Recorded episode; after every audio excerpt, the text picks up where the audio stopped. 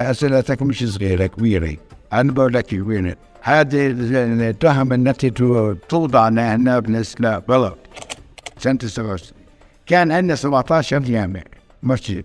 17 اليوم عارف قديش في هون؟ 127 جامع.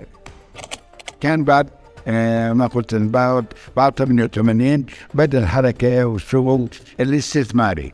وكانت نابلس هي الرائده في هذا والخليل. رجال الزكاة كان هذا وسيله من مصلح بين الناس. طبعا أمريكا شكت علينا شكت على لجان الزكاة.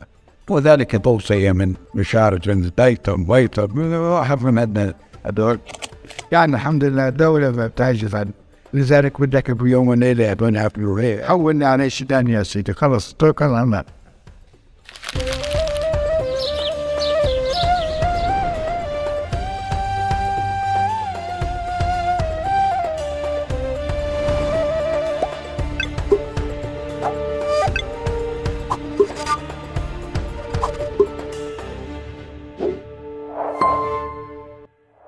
مرحبا واهلا وسهلا فيكم في حلقة جديدة من بودكاست تقارب. حلقتنا اليوم آه، واحدة من حلقات آه، شهر رمضان وموضوعها راح يكون عن الزكاة. قبل ما أدخل في المقدمة بحب أذكركم وأنوه للمشاركة والاشتراك في القنوات اللي قاعدين تسمعونا فيها وقاعدين بتشاهدونا سواء يوتيوب أو منصات البودكاست. آه، مشاركة ساعدونا وأنتم عم تسمعوا وعم بتشوفوا. مشاركة الحوارات الطويلة أو جزء من الحوارات الطويلة اللي قاعد بكون ودائما تقارب منفتح لمقترحاتكم وأسئلتكم عبر الروابط اللي موجودة في الوصف. موضوع الزكاة موضوع عادة يذكر بسياق مساندة القوي للضعيف أو الغني للفقير ولكن نادرا ما يذكر ويحلل آه، بسياق بناء المجتمعات وبناء المؤسسات آه، وبناء الدول. وفي فلسطين في نموذج دائما كنا نسمع عنه ونعرف عنه في الضفة الغربية من نشأتنا منه وإحنا وصغار على لجان الزكاة واللي أقامت مستشفيات ومؤسسات ومدارس. وكان في منافسة حتى بين المدن بينها وبين بعض سواء من المحسنين أو المتبرعين. وعلى مستوى كمان الطواقم الإدارية لرجال الزكاة اللي كانت كمان في بينها حس بين المنافسة على قضية إنه من يبني أكثر. وبهذا السياق فعليا نستضيف اليوم الدكتور عبد الرحيم الحنبلي. عم أبو عمر أهلا وسهلا فيك ويسعد صباحك. هذا الصباح والسلام عليكم ورحمة الله وبركاته.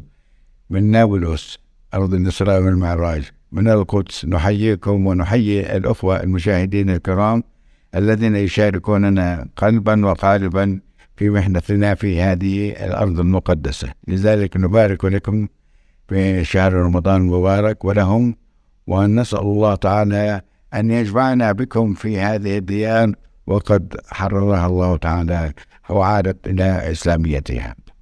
إن شاء الله. حاج إحنا بالعادة بالبرنامج هذا بنحكي باللهجة العامية وأنا بدي اللهجة النابلسية الكاملة. والله يا سيدي لا أحكي إلا نابلسي توكل بدي الأصانس وأني ابن نابلس ابن أمان أنت ابن الشخرات الحبلي ابن أمان يعني ابن مين؟ هيك أمان أمان أنه كويس علي توكل على الله. يخليك وديمك عمي الله بالعادة في ال في ال في ال في ال آه، في البرنامج هذا أنا بترك الضيف يعرف نفسه أكثر. تمام؟ فكما يحب. فتفضل بترك لك المايك تعرفنا على حالك كما تحب.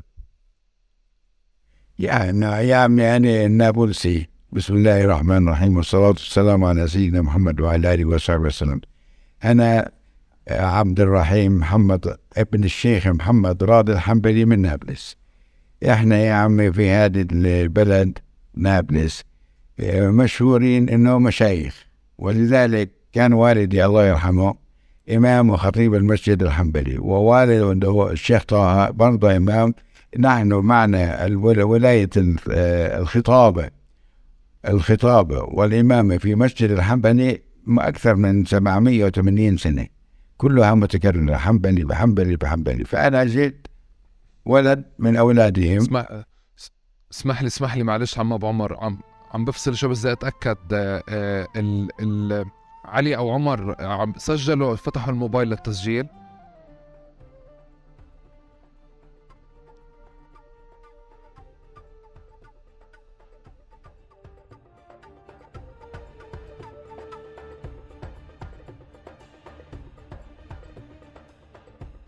مليحين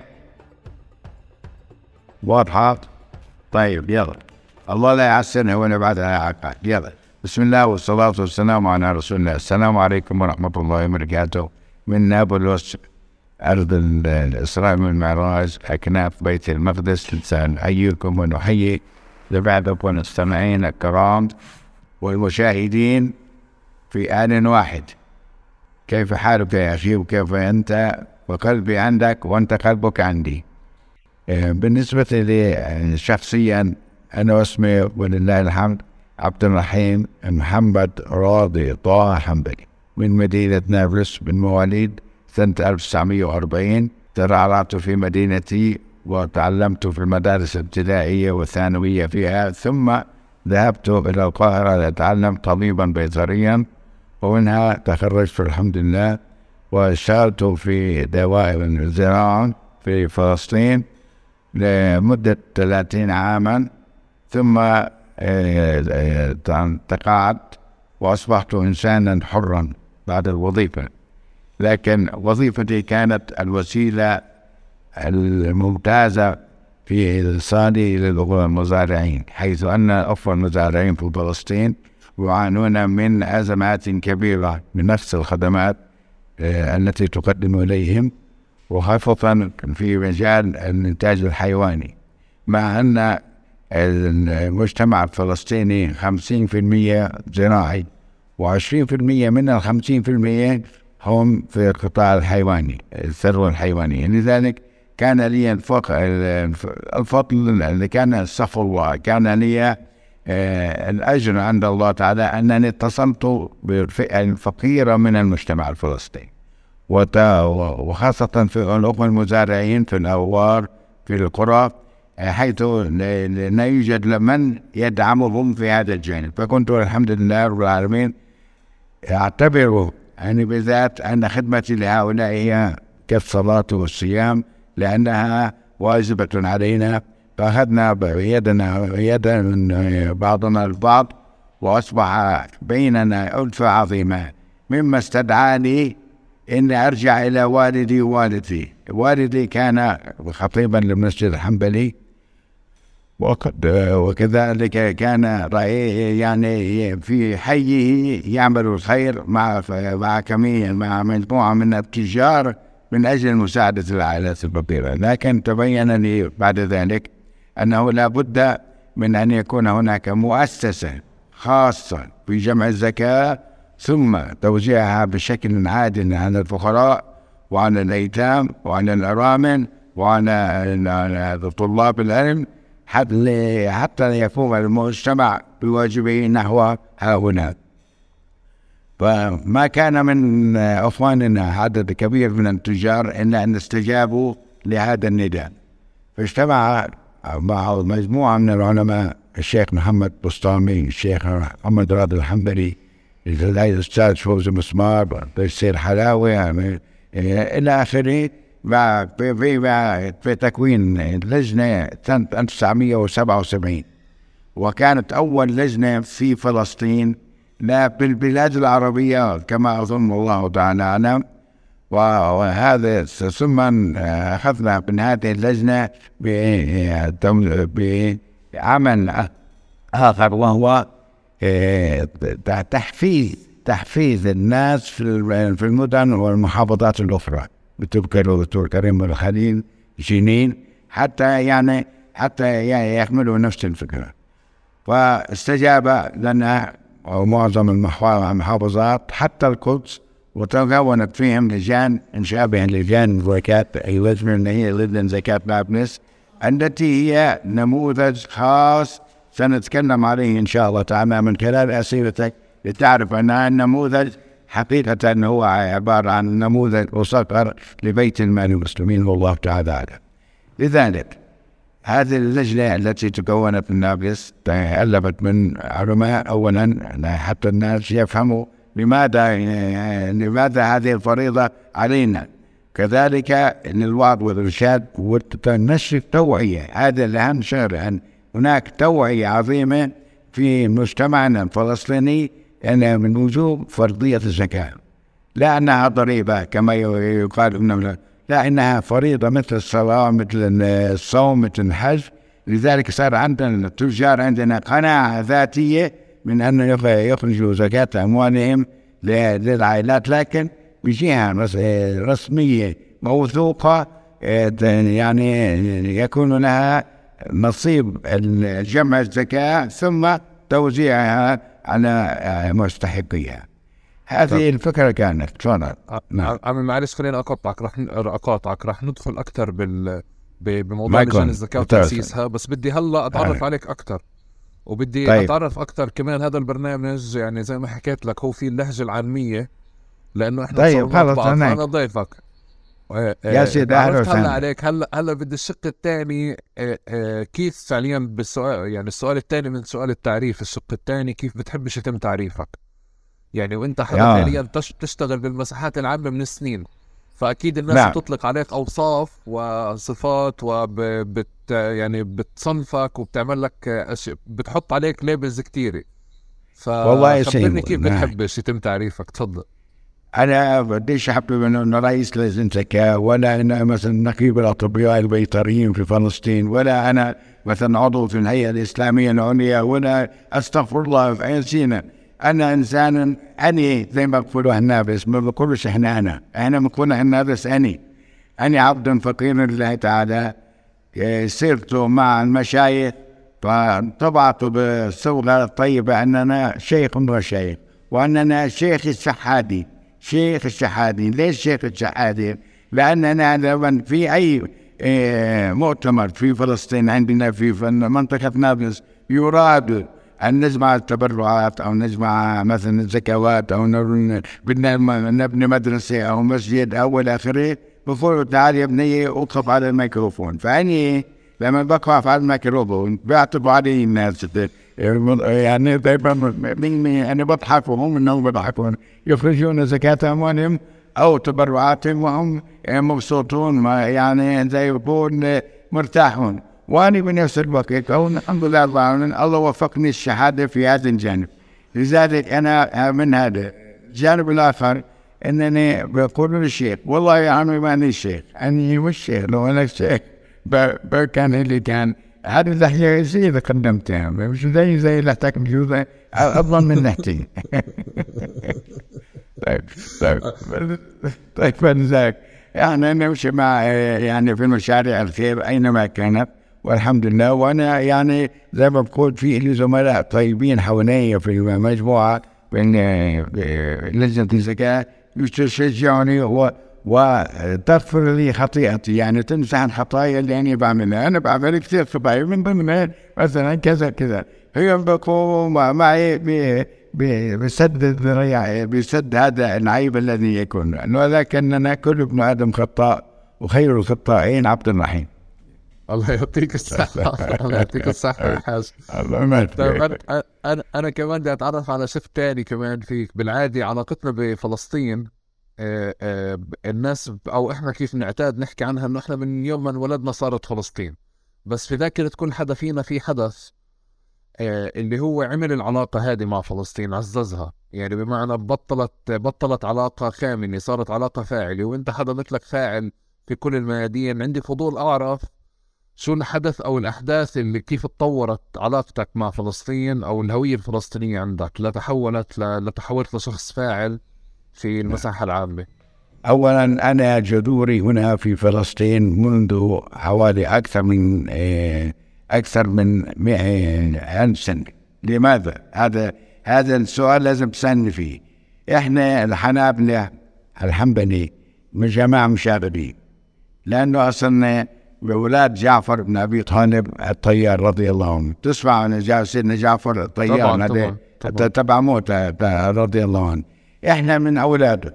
وابن آه، زينب بنت سيدنا آه، علي بن أبي طالب. فلما عشت بهذه الفترة في بغداد كانت هناك محنة سيدنا أحمد بن حنبل في خلق القرآن ضد الأمين والمأمون. تسمع هو هذا سيدنا أحمد مشارد كان أربع رسول الخلفاء قد قضى عليهم ثم خرج من السجن. إحنا كنا جعفرة مع سيدنا أحمد بن حنبل ضد مين؟ ولاد عمنا العباسيين. فالعباسيين بدهم يعملوا فينا نفونا إلى فلسطين. سنة 200 هجرية طلع اللي جابونا إياه هون على نابلس. ونزلوا في قرية أسمها مردة وأخرى جماعين هدول قرى في نابلس اليوم موجودات. مردة وجماعين ثم انتقلنا إلى نابلس بين جماعين ونابلس حوالي 10 كيلو متر سكننا في نابلس من هذاك الزمن من سنة 200 هجري إلى يومنا هذا ونحن في هذه المنطقة. لكن آه هذه العائلة سكنت في الحي الغربي قرب المسجد الحنبلي. مسجد الحنبلي هذا أمر ببنائه سيدنا عمر بن الخطاب. عمر بن الخطاب لما مر على نابلس وين تجمعات وين هضبة وين جبل كان يبني مسجدا يؤسس مسجدا. فنابلس بنى المسجد الغربي. وين سكنوا؟ الحنابلة بقرب من المسجد الغربي؟ وصاروا أئمة المسجد الغربي. في نابلس هم الحنابلة ونشروا المذهب الحنبلي في فلسطين خاصة في المنطقة الغربية. مثلا في القريم في قرقيلية في جنين في الساحل.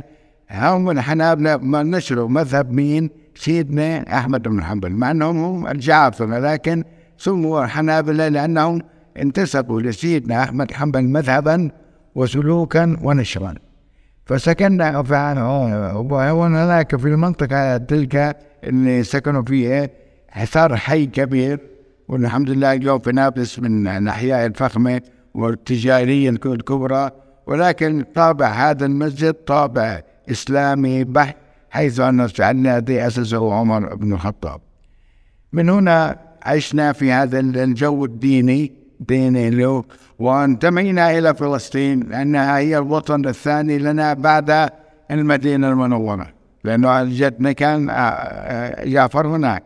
فانتمينا إلى هنا وصلنا هنا يعني يرسل بعوث من عندنا للدعاء للدعاء في بقية فلسطين.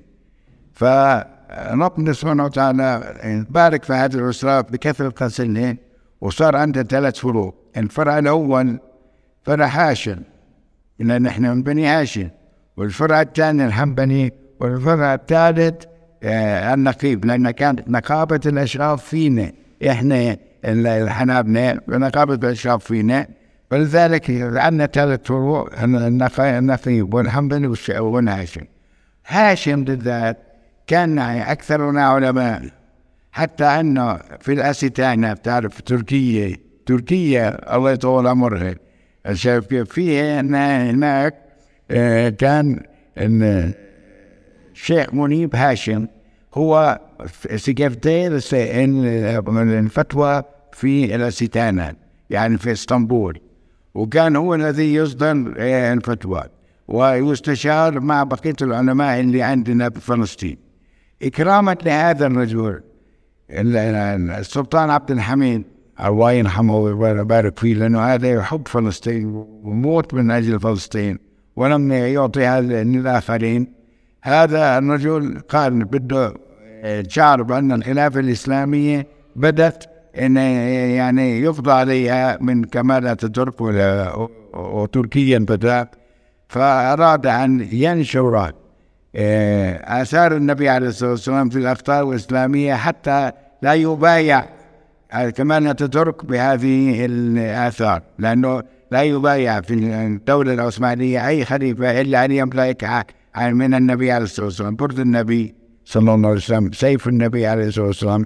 روح النبي صلى الله عليه وسلم آه، عباءة عباءة النبي عليه الصلاة والسلام وشعارات من شعارات النبي عليه الصلاة والسلام.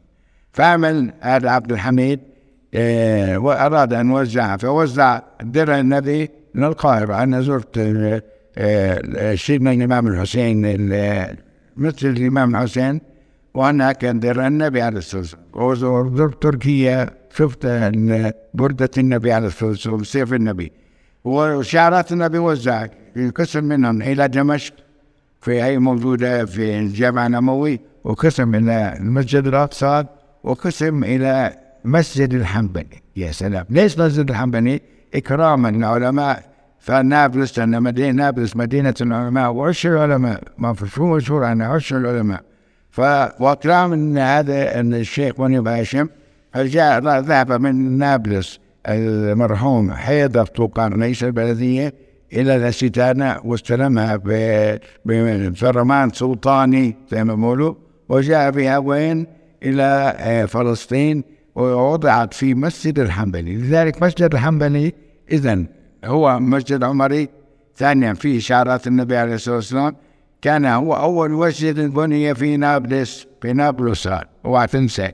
ومن نابلس صرنا إحنا نزور الشعرات بنبوسة يوم 27 رمضان اللي بيجي على نابلس في يوم 27 رمضان بيكون احتفال والكشافة والعدة والصوفية والدراويش والكل يعني يذكر الله وينبسطوا في نابلس وتوزع الحلوى لأنه يوم عيد بالنسبة لنا يوم 27 رمضان. إن شاء الله بتيجي على نابلس ومن أرجيك إياها وتيجي على الجامع الحمد وتبوس الشعارات الشريفات ويصير وجهك أنور.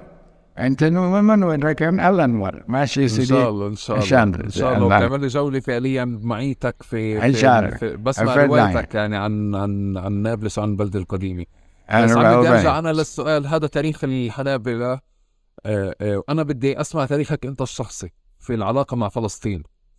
فأنت خلي خليني أجرب أحكي لك بس عمي إنه بدي انعش شوي ذاكرتك وبالعادة هذا السؤال بيستفز ذاكرة كل ضيف.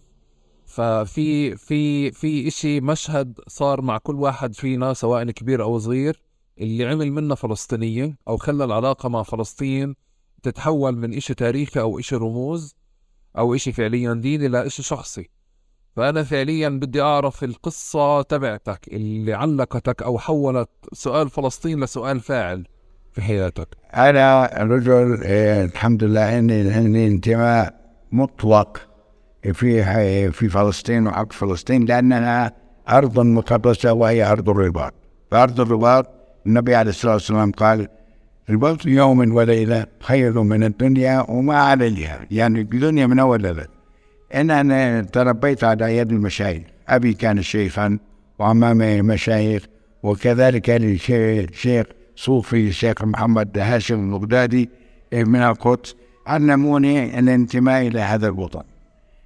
وأن جلوسنا في هذا الوطن عبادة عبادة قبل أن يكون آه، معيشيا. أنا الحمد لله وضع مادي ممتاز لكن أفضل من هذا كله أننا يجب أن نبقى في فلسطين هنا عبادة أن يا أيها الذين يا أيها الذين اصبروا وصابروا ورابطوا واتقوا الله لعلكم تفلحون.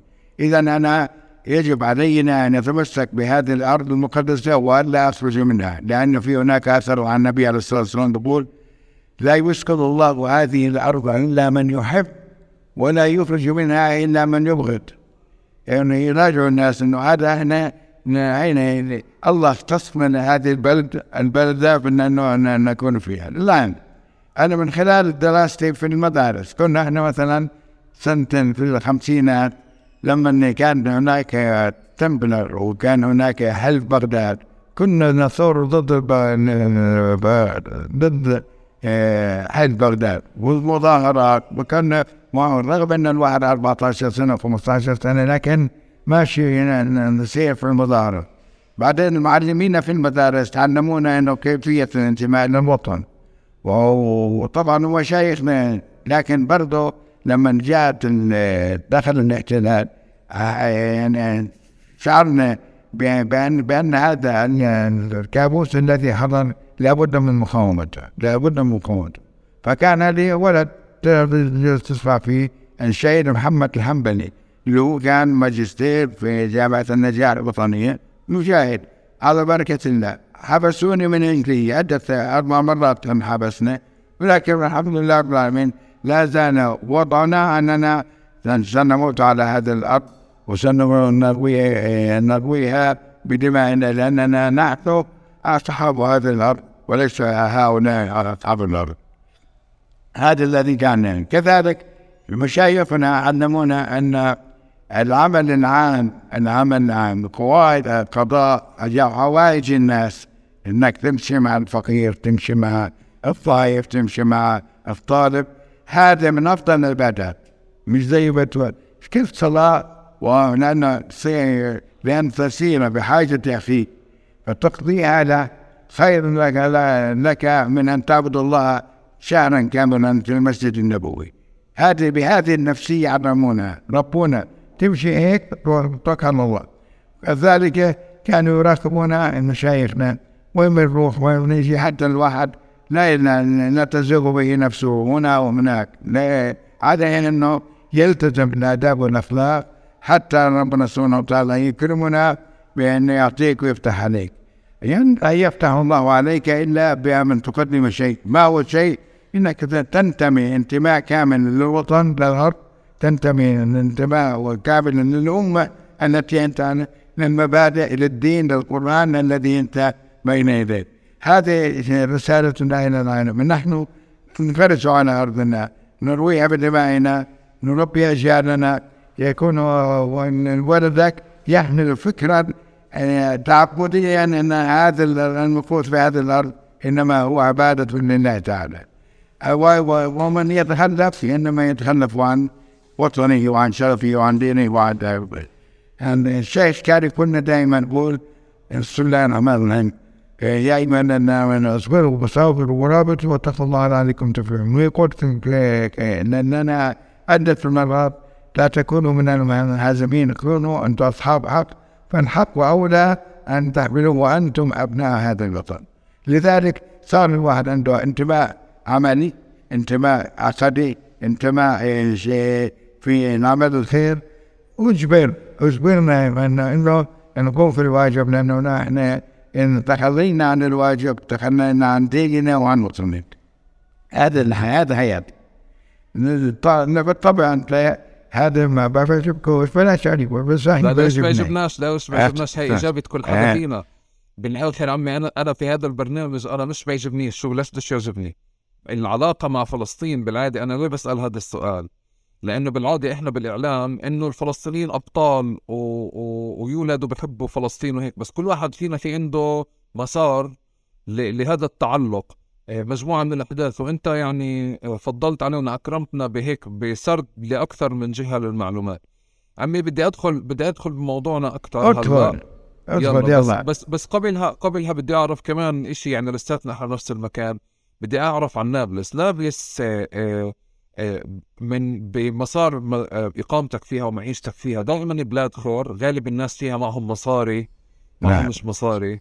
نعم. بدي أوصل للمرحلة لحد ال 77 يعني ما قبل 77 وصف لي نابلس لأنه إحنا بنعرف نابلس مع ناس معهم مصاري وناس معهم مش مصاري. يعني في فجوه كبيره بتكون دائما. نابلس العاصمة الاقتصادية لفلسطين. والنوابلس هي أهم تجار في فلسطين إلى يومنا هذا مش بالقادم والفترة الخلايا الصناعيه أما إحنا؟ والخلايا بحطوا مصاريهم بجيوبهم مش بتقولوا؟ يعني لا النوابلس شاطرين تجار باخذوا وكالات وزعوا المواد تجارة السيارات تجارة الحبوب تجارة المواد التموينية الملابس أكثر من الخلايا الخلايا بالصناعات. الصناعات كلها الآن مركزة بالخليج. أما إحنا عندنا في نابلس الصناعات قليلة لكن التجار أكثر عطاء طول عمرنا من زمان من زمان الأتراك هي نابلس دمشق الصغرى هذا احفظها يا سيدي. نابلس دمشق الصغرى مثل لو كان العلاقات بين نابلس ودمشق علاقة وثيقة جدا. كل تجار حتى لأني وأنا هذا في نسب ما بين الشوام وما بين نابلس. يعني عندما أصبح خليط. نص من أهل دمشق ونص من أهل نابلس العائلات التجارية هؤلاء التجار عملوا برضه كان جسر عن طريق الأردن عن طريق السلط. السلط كانت تابعة لنابلس في زمان في التجارة فصار هناك مجال واسع عند التجار. هناك عائلات وثيقة كبيرة في نابلس تمتلك المال تمتلك البضائع تمتلك الخبرة وعندها دين في توزيع الزكاة. لكن بشكل عشوائي يعني وليس منظم لأنه بجوز من العائلة الفقيرة الواحدة كان كل يصب بين بقية العائلات المستورة الفقيرة ما حدش يعرف فيها لذلك كانت الحاجة لوجود لجنة زكاة نابلس التي تنظم هناك ما بين التجار ودافعي الزكاة ومحتاجي زكاة. الزكاة اللي هي المصارف الله تعالى قال إنما الصدقات للفقراء والمساكين والعاملين عليها والمؤلفة قلوبهم وفي الغاربين وفي سبيل الله وابن السبيل. فثمان أصناف هذه الثمان أصناف مفروض إنه إحنا نعطيها كلها حقها بحسب الحاجة حتى يكتمل هذا المفروض أنا بدي أنا الله المسكين اللي مكسور ما عندوش التاجر انكسر. من مين يقوم؟ لازم بقية التجار يعملوا عليه. مثلا الواحد عنده أيتام بدنا نعطيهم عنده مساكين بدنا نعطيه عنده مريض بدنا نعطيه طالب طالب علم نعطيه إلى آخره. فلذلك كانت الحاجة إنه لسد هذه الحاجات لأبناء فلسطين وخاصة في محافظة نابلس إحنا في محافظة نابلس التجار سواء كان بالقرى أو المدينة أو المخيمات عندهم هذه الصفة الروحية الطيبة. لكن بدك مين ينميه ويرفع همته ويأخذ بيده. حتى لذلك كانت هذه اللجنة تعني لأنه لكل إنسان نعمل واجبه الشرعي نحو إخوانه الفقراء وحتى لا يكون هذا المال دولة بين الأغنياء منكم. مش بكرة المال يومنا. إحنا الأغنياء والتجار. وننسى الفقراء. واضح. هذا لا. لابد من أن يكون هناك تعاون ما بين رابط ما بين الفقير وما بين آه، هذه المؤسسات شو سواء في لجنة الزكاة أو في غيرها. طيب هنا هون. لا تفضل. قبل قبل, قبل انت آه. اسمح لي معلش بس عشان امشي على ال على ال على على آه. مسار آه. قبل التاسيس قبل التأسيس آه. بدي أمسك كيف كان أهل نابلس آه، ما قبل تأسيس لجنة الزكاة كيف كانوا بيتعاطوا بقضية التبرعات وصدقاتهم وزكواتهم كيف كانوا بيوزعوها؟ آه. والله هذا سؤالك وجهي كانوا التجار يطلعوا على المدينة القديمة على حارة الياسمينه بتسمع الياسمينه القريون القريون الحبلة إلى آخره هذه اللي يذهب التاجر الله يكرمه ويروح يزور البيوت مباشرة. دايركت يعني مباشرة يروح وين؟ على البيوت ويعطي. فلذلك مثلا في أرملة فلان كثير يروح عليه لكن جارته في هذا الوقت مسكينة مريضة أو أنها يعني وحيدة أو أنها يعني تعلم أولادها ما حدش ينظر. لذلك شو صاروا لما وجدوا أنه عمالة تنصب الزكوات في جهة معينة يعني بعدد محدد ولا ولا تعم الكل كان الواجب أنه يتحركوا في عمل بلجنة أو في مؤسسة اللي ترعى هؤلاء الفقراء بالإضافة إنه الفقراء في مدينة نابلس محصورين في تقريبا في المدينة القديمة لذلك يعني كان سهل على التاجر يروح لوين؟ على البيوت مباشرة ويطلع عليه على البيت بنفسه ويعطيه. لكن لما توسعت المدينة ما شاء الله اليوم 22 كيلو متر طولا وعرضا إلى آخره. فهناك صار عدد كبير كبير من السكان خارج المدينة ولكن أيضا بحاجة. لذلك كان هناك سببا من أحد الأسباب أنه نستعجل موضوع عملية عملية يعني جمع الزكاة وتوزيعها ولا أخفى ولا أخفى عليك أن المسجد الحنبلي إحنا مشاغبين من لك وأنا مشاغبين فعندنا غرفة اسمها كبيرة كان يأخذ الشيخ راضي الله يرحمه ورفعت يعيش والجلاد والمشايخ الكبار ويجيهم تجار مثل كرسون ومثل المصري ومثل العادود والى آخره كل الناس الطيب الطيبين المحترمين. يقولوا له نايب باخذك هالمصاري وزعوها هنا أنتم بطريقتكم. فكانوا يعني يطلعوا برضه يكملوا هذا الشغل لذلك إحنا الحمد لله رب العالمين ما ما جينا بدعا بدعة إنما إحنا امتداد وتنظيم للعمل اللي تم آه، من خلال هذه اللجنه. طب قبل ما قبل آه. اللجنه كمان لما أنت حكيت لي إنه كانت التجار ينزلوا على البلدة القديمة آه نعم. عم نحكي على سنين اللي هو ما كانش في مخيمات لسه وما كانتش المخيمات بهذا القدر نعم. نعم نعم. نعم نعم. هذا قبل 48 بعد 48 زادت الفاتورة. كيف زادت الفاتورة؟ إخواننا اللاجئين اللي حضروا حضروا في مخيم بلاطة مخيم عسكري مخيم العين. يا رجل كانوا أنا بذكر أنا كان عمري ثمان سنين سبع سنين. اعطونا النابلس فتحوا المدارس لاخواننا اللاجئين المساجد مسجد البيك مثلا كان فيه اخواننا اللاجئين كذلك مدرسة الهاشميين. يعني فكان كل يعني كل بيت أيضا ممن يعرف أقاربهم يستوعبون. يعني مثلا إحنا اسمه من يافع عن من جماعتنا؟ حطيناهم في بيوتنا وكل العائلات تقاسمت بنخبة العيش هذه مهمة جدا. لن تنسى لنا الناس مع اخواننا اللاجئين لأنه هؤلاء يظلمون وهؤلاء يعني كانوا كانوا موعودين إنهم يجلسوا في نابلس. أهل اللي مثلا هو عندهم أسبوع ويرجعوا وين أولادهم. لانهم رجعوا على بلادهم. لذلك يعني كان هناك تعاون طيب مشترك شعبي بين هؤلاء الاسر وبين إخواننا الناجين. والله تعالى آه وفتح عليهم وعليهم اللاجئين ويعني الله فتح عليهم بالشغل والعمل. وأولاد نابلس أغلبهم سافروا إلى الكويت وإلى الإمارات وإلى السعودية يشتغلوا ويعودوا المال إلى أهلهم في نابلس. فكانت تمت هناك يعني زي ما يقول الوحدة الاجتماعية واللحمة الاجتماعية بين هذه الأسر وإلى يومنا هذا لا ننسى ودنا لإخواننا اللاجئين ونسأل الله تعالى أن يعيدهم إلى ديارهم سالمين غانمين منتصرين وأن نكون ضيوفا عندهم طيب. لحين طيب احكي. ممتاز. الله يعطيك ألف عافية. حج الفوارق الاجتماعية والطبقية زادت مع مع السنين ما بين اللاجئين آه، في نابلس وأهل نابلس. زادت أو نقصت لا مرور نقص الزمان؟ لا لا نقص لا دخلنا يعني إحنا أخواني. بقول لك يجوا يجوا من يافو سكنوا عندي في بيتي مثلا. ويجوا من الليل سكنوا في النابلس الرملي لذلك آه، بعدين شاركناهم في في العمل.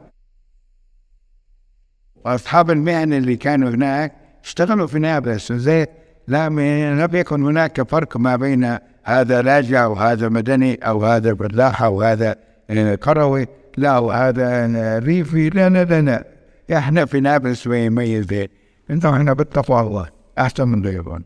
ليش بتقوى الله؟ لأنه بعرفوا حالهم انهم فقراء الله إحنا كلنا فقراء إلى الله وإنما المؤمنون إخوة بعدين تربينا على البساطة مش معقدين زي البلاد الثانية لا بعض البساطة والبساطة يعني تقول يعني كل بنا بين أنت كيف حالك؟ كيف أنت؟ كيف أمك؟ كيف أبوك؟ والله إني سمعنا إنه أمك شو اسمه زانطت. ليش؟ قال إنه بدها تتزوج بنتي أو بدها تتزوج بنتي إحنا عملنا بسطاء بسطاء للغاية ولكن مع ذكاء حتى لا يكون أغبياء لا مع ذكاء كامل. إحنا ذكيين الحمد لله ونفهم ما نفعل. ما ما ما, ما نقول ونفعل لأننا يعني عندنا شيء من التقوى. الحمد لله شيء من التقوى. نشكر من التقوى لكن في شيء من التقوى تنبعنا عن أي عن إنما المؤمنون لا نفرق بين لاجئ ومدني وفلاح ومهني لا لا لا لا, لا, لا. كنا عين واحدة. طب وكنا. هذا آه. هذا عمي أنت على مستوى شخصي وأنا بظن إنه بعموم بعموم البلاد الإسلاميين أو اللي عندهم خلفية إسلامية أو المتدينين آه، بلاقوا فعليا فعلا مساحة ل- لكسر فجوات يمكن اجتماعية طبقية ما بينه وبين بين بين الاخوه وأنا فعلا اللي عنده شعور نحن فقراء إلى الله قادر أصدق فعليا انه قديش الإشي ممكن يكون مكسوره. مكسوره الفجوات بينه وبين غيره. ولكن في إشي في نابلس يعني مثل كل المحافظات الفلسطينية بس في نابلس أكثر لأنه فيها فلوس. في فوارق في فوارق كانت تكون نسمع عنها فأنا بحتاج أفهم منك إنه هذه الصورة أو هذه السمعة من وين طلعت وكيف تطورت. بمعنى إنه في فجوة ما بين أهل نابلس وما بين أهالي المخيمات نابعها أو أصل اقتصادي بالأساس. تمام اللي هو مع مع مرور الزمن مع تحسن الظروف ومع مساعدة أهل نابلس والبلاد الثانية للمخيمات وكمان تطور المخيمات وخروج المخيمات من المخيمات للمدن تمام؟ الفجوات هذه قلت. عم بجرب أفهم أنا الحالة هذه عشان ندخل فعليا بس بدي أجرب أشوف نشأة لجنة الزكاة في نابلس بال 77 وصولا لل 88 بهذه المرحلة شو كانت كيف كان شكل نابلس يعني؟ عشان هيك عم بجرب أسأل أسئلة صغيرة. على يعني على أهل لا نابلس. أنت بتحكي أسئلتك مش صغيرة كبيرة. أنا بقول لك كبيرة.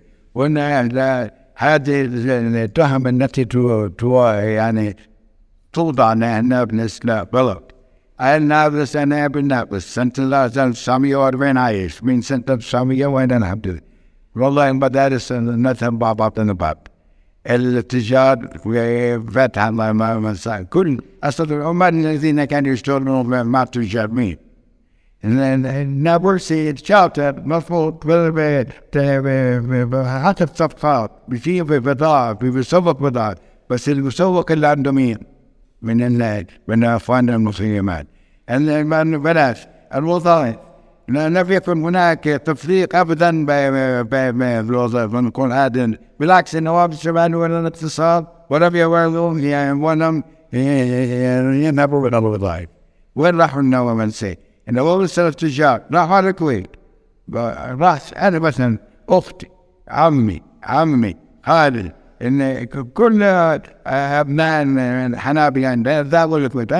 كان 32 إنسان. من اللي في الكويت؟ أكثر من سكان نابلس ليه؟ لأنه ذهبوا هناك للعيشه الطيبه ثم يعودوا بالمال إلى هنا وكان هنا المال يصرف في المشاريع الخيريه مثلا في عمال البناء مين كان؟ إخواننا مشترك. عمان مثلا في مصنع الكبريت في نابلس كان مصنع عظيم. مين؟ من من اخواننا من هنا ومن هناك كان من الريف ومن المخيمات ومن المدينة لا ينفق بين أحد منهم على الإطلاق. أما بجزء من المناطق الأخرى الأرستقراطية لا نحن عمي إحنا عنا ناس فقراء إلى الله تعالى من حب الله من حب الضيف من حب إخواننا وما كان يكون.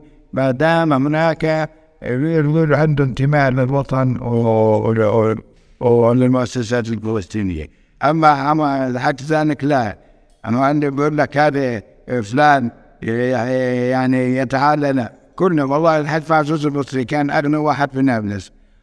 والله يسوي يمشي عن السوق الشرقي يمسك واحد من دار وكيل ولا من واحد الناس طيبين. السلام عليكم كيف حالكم؟ هذا هون هذا هون. يعني شغلات طيبة يطيب النفوس ونفس الوقت محسن. أكبر واحد كان عزني بن نابلس رحمة الله عليه. بنى مسجد عظيم للبلد عارف النابلس من خير هون. لما صار الاحتلال سنة 47 إيه صار 67 سنة 67 كان عندنا 17 جامع مسجد. 17 اليوم عارف قديش في هون 127 جامع. 127 مسجد. مشان تعرف انتباه الناس هنا لأرضهم ولوطنهم ولدينهم ولأن يكونوا ما صامدين على الأرض. 127 والله والله والله يطلبون الناس إنهم يبنوا مساجد. بعديها وكفت لذلك أن مدينة نابلس مدينة المناير اللي هي عبارة عن مساجدا هي مدينة هي مدينة العلماء ومدينة المناير مدينة مثلا جامعة النجاح الوطنية. شو أصلا هي؟ أصلا من كلية الجامعة الناجحة قبل هيك روضة من الروضات سنة أنشأت سنة 1918 لكن بعدها استوعبت كل الطلاب سواء كان من هنا ومن هنا ومن هناك حتى يعني حتى المدارس الحكومية ما كانت ما كانت تقوم في المساجد كاملة هؤلاء يكملوا بأبنائنا بالسويد وروضات روضات كثيرة كانت الحمد لله. والفقير ما ياخذوش منهم ياخذوش منهم والدي كان له روضة الثبات الوطنية وفي روضة الشيخ بشير وروضة فلان وفلان كذا روضة في نابلس. الفقير ما كان سواء كان من المدينة أو من المخيمات أو غيره لذلك أنا عمي إحنا اللي هون وهي إلنا هيك لازم تعمل كلها بنفس هي إلنا وإحنا اللي سواء كان من المدينة أو الرميف أو المخيمات ونسأل الله تعالى الفرج لنا ولهم كأننا نكتسب لقمة العيش. وهذا الذي ثبت مدينة نابلس تكون معاشرة الاقتصاد. لأنه تأخذ بالأسباب وبنفس الوقت تدفع ما عليها من حقوق لله عز وجل. نيجي مش عاجبك بلد ليش مش عاجبني؟ ليش مش عاجبني؟ والله عاجبني ليش بتفترض إنه مش عاجبني؟ لا بس أنا أنا أنا, أنا عندي أسئلة أنا بطلع أنا بطلع على عيونك لما تحكي بعيونك أنا عندي أسئلة كثيره فعليا. وبدي وبدي أجرب فيها بس يعني لسه كمان الم... يعني أنا لما بدي أجي احكي عمر ما عنديش الموضوع أنا أنا حددت حالي بموضوع الزكاه بدي اناقش معك بس يعني عندي كثير فضول على كثير أشياء ثانية يا أخي ولا يهمك. توكل الله يخليك لا. إيه. إيه إنت إنت كون كون واثق إنه كل شيء بتحكيه أنا معجب فيه. لا أنا عيونك أنا بشوف طلع على عيونك. حركة عيونك تعطيني. طيب كون واثق. قبل شوي حش خبرتني إنه التجار كانوا بينزلوا على المسجد وبروحوا للشيخ وبيعطوهم فلوسهم. كانوا بيروحوا لحدا ثاني كان في عنوان ثاني في هذاك الوقت.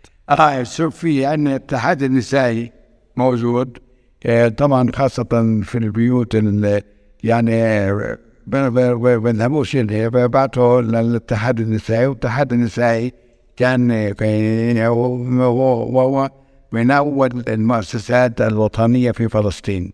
أنشأته مريم هاشم رحمة الله عليها. وطبعا عملت مستشفى الاتحاد النسائي وهذا المستشفى يختص بكل الفروع لكن له نظرة خاصة بالنسبة للفقراء يعني يساعدوا خاصة البيئات المستورة في الولادة حالات الولادة. أول مستشفى للولادة في فلسطين قامت به الاتحاد النسائي مع انه كانت قابلات وما قابلات يروحوا يروحون على البيوت لكن لا عملت شيء منظم هات وحدك بعدين كان عندنا إيه، جمعية البر الإسلامية. بعدين انشأت إيه، سنة 56 لإعطاء لإعطاء القروض للطلاب الفقراء يروحوا يتعلموا قروض بدون فوائد. وعندك كذلك جمعية التضامن. في عندنا كانت جمعيات لكن أكثر شيء بالنسبة للزكاة كان من خلال التجار مباشرة ثم يجوا عن طريق الناس الموثوقين في المناطق.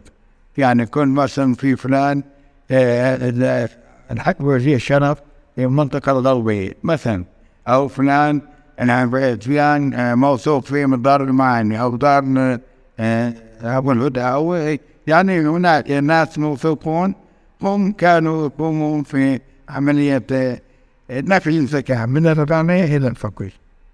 هذا لذلك كان عمل زي آلية النحل هذه عامل هذه تبني شو اسمه الشمع وهذه بتعمل وإحنا هيك في نابلس طول عمرنا يعني مفهوم عن نابلس إنها عمل هي عمل مشترك. مش اشتراكي لا. آه اشتراكي شكل ومشترك شكل مشترك يعني ما من البعض الله يبارك فيك. صح. صح. كيف عيوني طيب. هسه؟ عيون هيك طلع. معجب هلا هلا مبسوط مني آه أنا صوص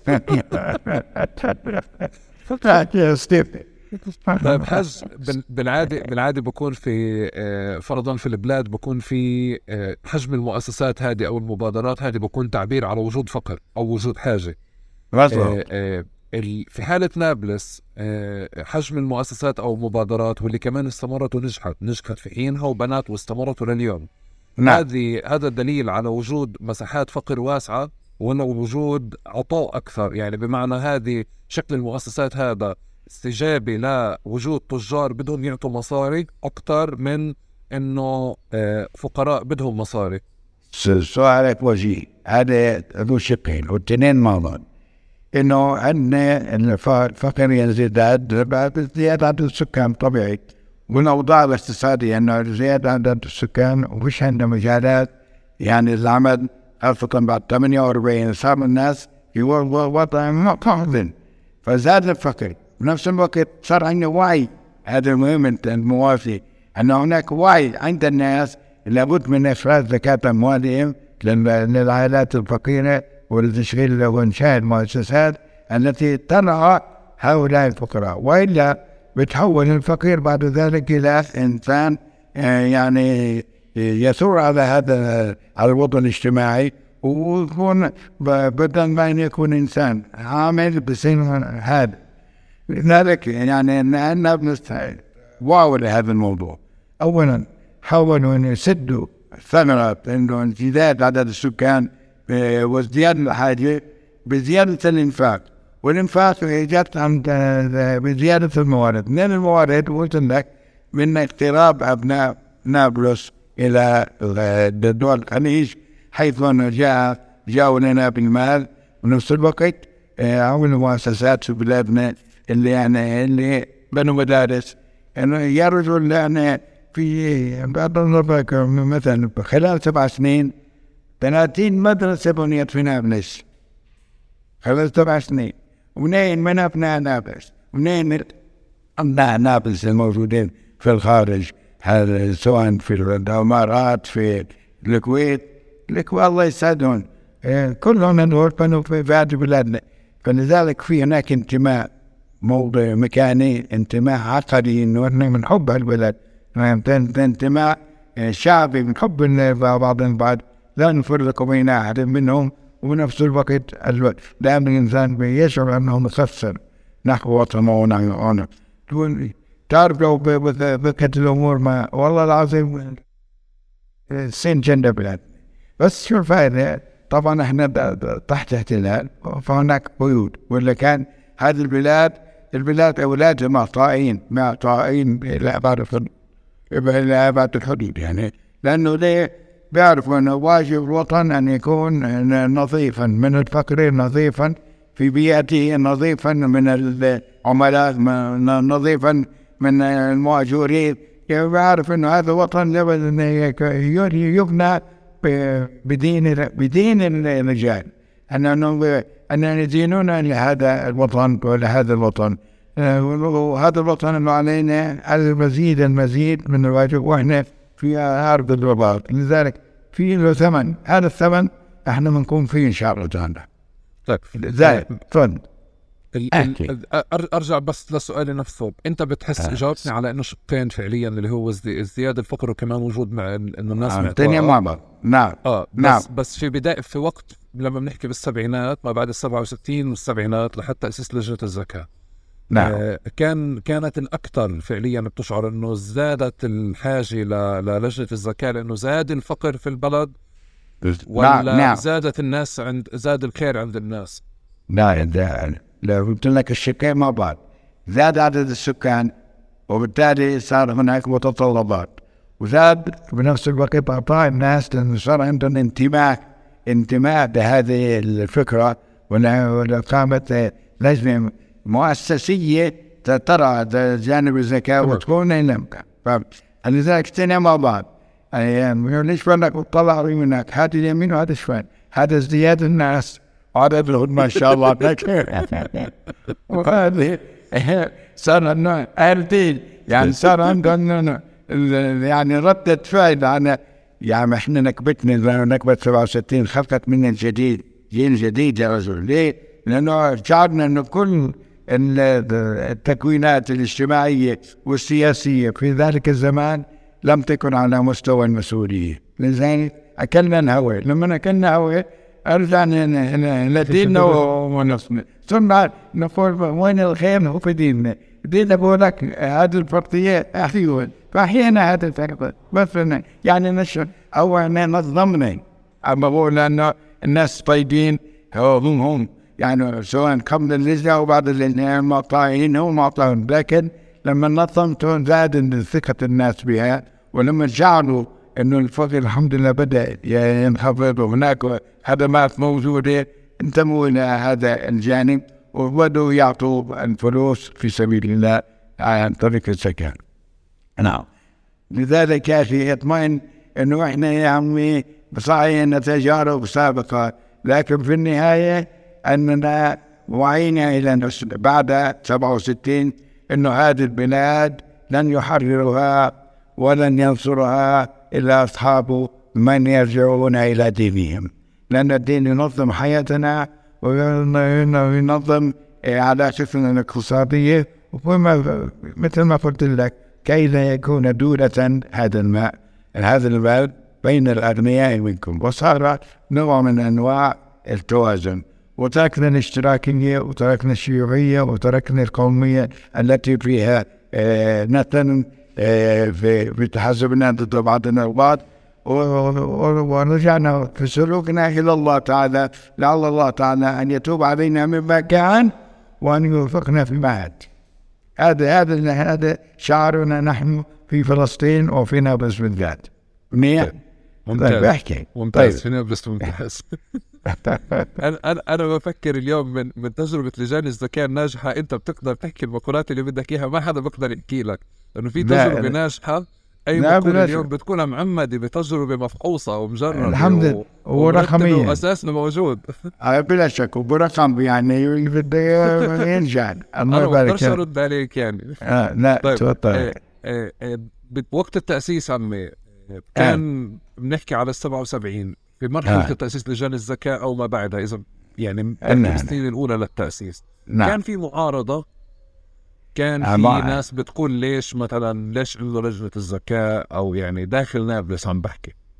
لا في نابلس كان شيء طبيعي شيء طبيعي يقولوا يعني نحن مع الزكاه ليه؟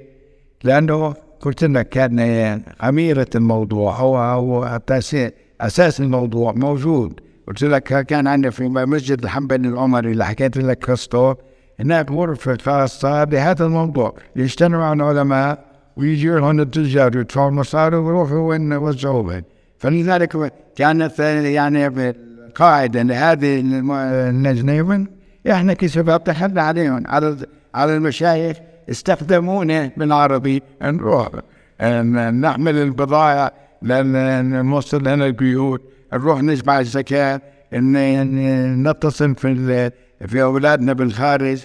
إحنا كشباب كنا صغار فجابونا الله يبارك بهم ونموا فينا هذا الوفاء. هو كان هم الأساس ولا ننكر أن علماء نابلس وتجار نابلس هم الأساس. أما إحنا جينا نظمنا هذا الموضوع على فكة حتى يعني أول عملنا عملنا.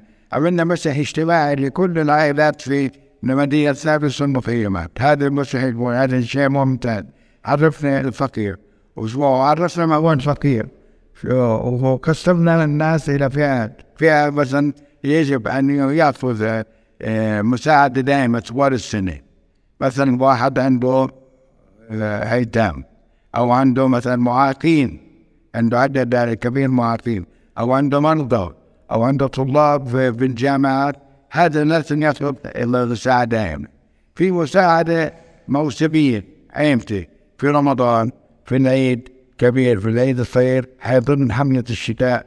هذول اللي بيكون يعني هالمسكين في الحكم الشرعي إنه بيشتغل لكن بده مين يحمل عنه يحمل معه. فهذا نمشي معك طالب في شهر موسمي.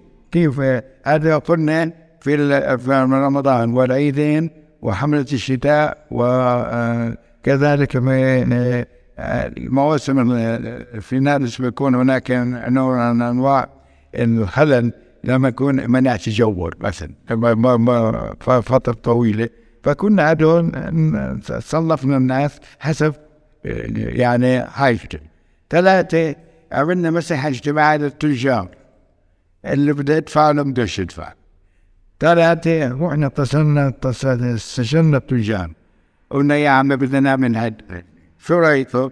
باركوا لنا يعني إذا ما دام باركوا لنا يعني إذا لابد من الباشر قدمنا إلى الهيئة المجلس الأوقاف في القدس للشيخ سعد الدين العالمي رحمة الله عليه الطلب رسمي بتسجيل هذه اللجنة فبارك لنا هذه الخطوة و شو اسمه وأعطانا آه، فرمان سلطان. يعني إنه تم تعريف لجنة زكاة نابلس آه، ون- ونبارك خطواتها وعليها أن تقدم تقارير السنوية لمجلس الأوقاف إلى آخره مشينا عنك بالأسماء حطينا كل العلماء اللي كانوا فيه الشيخ محمد راب الحنبلي البرهاني عيش إلى آخره. هذول الجماعة لما وافقونا على الأسماء ونشرناها في الجرائد وفي على أبواب المساجد. ومرينا على على التجار. فبارك التجار هذا الأمر وبدأ الخير الحمد لله. بدأنا مثلا بعد دينار صار 200 دينار 200 دينار. الحمد لله صار العطاء. هنا بهذه العملية آه، لما استقر الوضع عندنا في المدينة تمام؟ أولادنا اللي في الخارج. شعروا فصار يبعثوا زكوات أو يعني يعقدون للمؤسسات في الخارج يعني هي شخصيا فتحوا لنا ابواب الكويت باب الإمارات باب مثلا السعودية باب ما معناش نعرف شو نحكي هم فتحوا لنا باب للمؤسسات الموجودة مثل مثل زكاه فوق الكويت مثلا بيت الزكاه الكويتي مثل هيئة الشؤون الخاصه الكويتية وزارة الأوقاف الكويتية وزارة الصحة الكويتية. كل هذا كان آه، فتحوا لنا باب نروح عليه رحنا كذلك على الامارات الهلال هذا بعد ما ال في 88 صح عمي؟ آه بعد 88 نعم طيب بعد آه، الثمانية آه، أنا أنا أنا قبل ما أروح لهون بدي أسألك إمتى في في في لجنة الزكاة كانت مشت بمسار مسار كان العطاء؟ يعني إنه بتجي لكم تبرعات بتوزعوها من خلال طرود أموال كذا وبعدين دخلنا بمنطق اللي هو المشاريع الديمومة اللي, اللي ف يعني صار في استثمارات. بدي أمسك أي سنين أول مشروع بس أعطيني سنه عشان أقدر أكمل معاه. أعطيني سنه تغير عمل لجنة الزكاه من عطاء وتوزيع مصاري لفكرة إنه لازم يكون عندها مشاريع عشان تحافظ على ديمومتها هذه من بعد ال 87 من بعد بعد ال 87 بعد من نعم من بعد ال عشان هيك- 87 آه. عشان لأنه هيك لما لا- الناس بتحكي تأسيس يعني تأسيس لجنة الزكاه بالأغلب نعم. بال 88 بالانتفاضة الأولى 87 88 88 بس نعم. كأنه ما قبلها ما كان ما كان واضح النشاط ما كثير. لا م- م- محصور كان في نابلس ونشاطاتنا نابلس. بدت اليه للقدس بدت اليه للخليل بدت اليه للجنين. يعني صار هناك تعاون صار هناك نوع من أنواع الحراك الزكواتي في فلسطين. يعني صار عندنا يعني زي يقول إجماع فلسطيني انه لابد من الزكاة أن تبرز في في في, فلسطين. لكن لما في عوز أكثر من الإيراد. يعني الإيرادات التي كانت تأتينا ما كانت ستها كامل حاجة الفقراء. لذلك فكرنا في القرار في الخروج إلى الخارج. كان بعد آه ما قلت بعد بعد 88 بدأ الحركة والشغل ال- ال- يعني الاستثماري. وكانت نابلس هي الرائدة في هذا والخليل لأن الخليل في خلايا مناح في الكويت. الله يطول عمرهم يعني وقفوا موقفنا وفي ناس من غزة برضو نفس الشيء آه، وقفوا انه لابد انعاش هذه البلاد بمشاريع في غزة في الخليل في نابلس فلذلك كان كل أبناء البلاد الشيء اشتغلوا. إحنا كنا نابلس يعني أكثر حاضرة منهم. ليش؟ إحنا عندنا الحمد لله مهندسين في اللجنة عندنا مهندسين عندنا محسنين قدموا لنا أرض أراضي لإقامة المشاريع. يعني الله يرحمه الحاج برهان يعيش عضو اللجنة كان أستاذ محامي. هذا الرجل شامل أوقف الناشر دنمارك في قطعة أرض أجمل قطعة أرض في نابلس. قال بدي تعملوا لي مستشفى مستوصف. وجامع ومدرسة شو ضحكنا منين نجيب لك يا جاي لاحد برهان هي كانت شو- 35 درهم هذه صح؟ أيوه ما هي بعدين يعني بعدين كبرت هي بعدين صار 35 اليوم 65 دنو ببشرك يعني تسبق ليش من الأرقام أنا أنا مش بس بقولكش أنا بطلع على الأرقام قاعد وبفحص أه؟ بدي. يعني بدي أسألك هي مش أه. تبرعات يعني هذه استثمارات يعني هذه مش أيوة، حدا أيوة. ب 35 درهم إيه، في, في, أصلا في بلد يعني اللي هي الأراضي فيها مش واسعة الأراضي فيها كثير غاليه أراضي فيها قليلة اللي عنده أرض بكون نعم. يفكر عليها. يعني لا هو هذا دفع اعطانا 10 دنومات ال 10 دنومات لما أخذنا هيك قلنا منين نجيب لك احد قران بدك؟ هل هذا نشطي مسجد ومدرسة ومستوصف ومستشفى. طيب ماك تكون ما دام هيك حضروا مخططات. إحنا في عنا قرايب وزملاء وأحباب من المهندسين. هذول ما يصدقوا هذا عمل لنا مستشفى مخطط مبدئي. وهذاك عمل لنا مدرسه وهذاك عمل الجامع وهذاك عمل يعني المستوصف. وبعدين قلنا منين؟ الشاي هنا منه. اذا لابد من الخارج. اتصلوا فينا قلت لك أولادنا بالخارج. فكل واحدة قدمنا لهم هذه الأشياء. بعد فترة اتصلوا فينا قالوا تعال يلا هيجا الخير أنتوا روحوا على الامارات جيبوا مستشفى. العيون اللي هو المستشفى سلامة بنت بنت الخيري المحسنة. الله يرحمها. هذا اي سنة؟ هذا يمكن 92 92 هذا مثلا الكويت بعتوا الهيئة الخيرية الإسلامية العالمية تعال نعطيكم مركز السرطان بعديك الفترة. طلعت ثالث وحدة شو اسمه هيئة الإغاثة الإسلامية المنطقة الشرقية والنطوة العالمية الإسلامية في الكويت في السعودية تعالوا خذوا المدرسة يعني كل جهة أخذت جهة وإحنا الحمد لله رحنا هناك عملنا عقود بينات واتفاقيات ورجعنا هناك كلها من بعد 88 كله طالع 92 93 والحمد لله رب العالمين اتصلنا برضه بمؤسسات مثل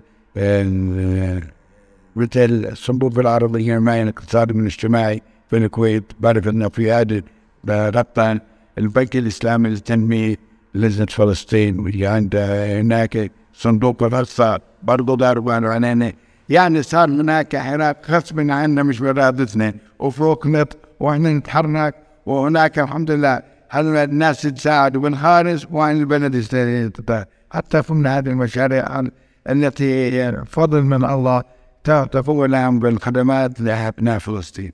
مثلا إخواني مثلا عملوا المستشفى الان مثلا شيء شيء شيء يعني عظيم.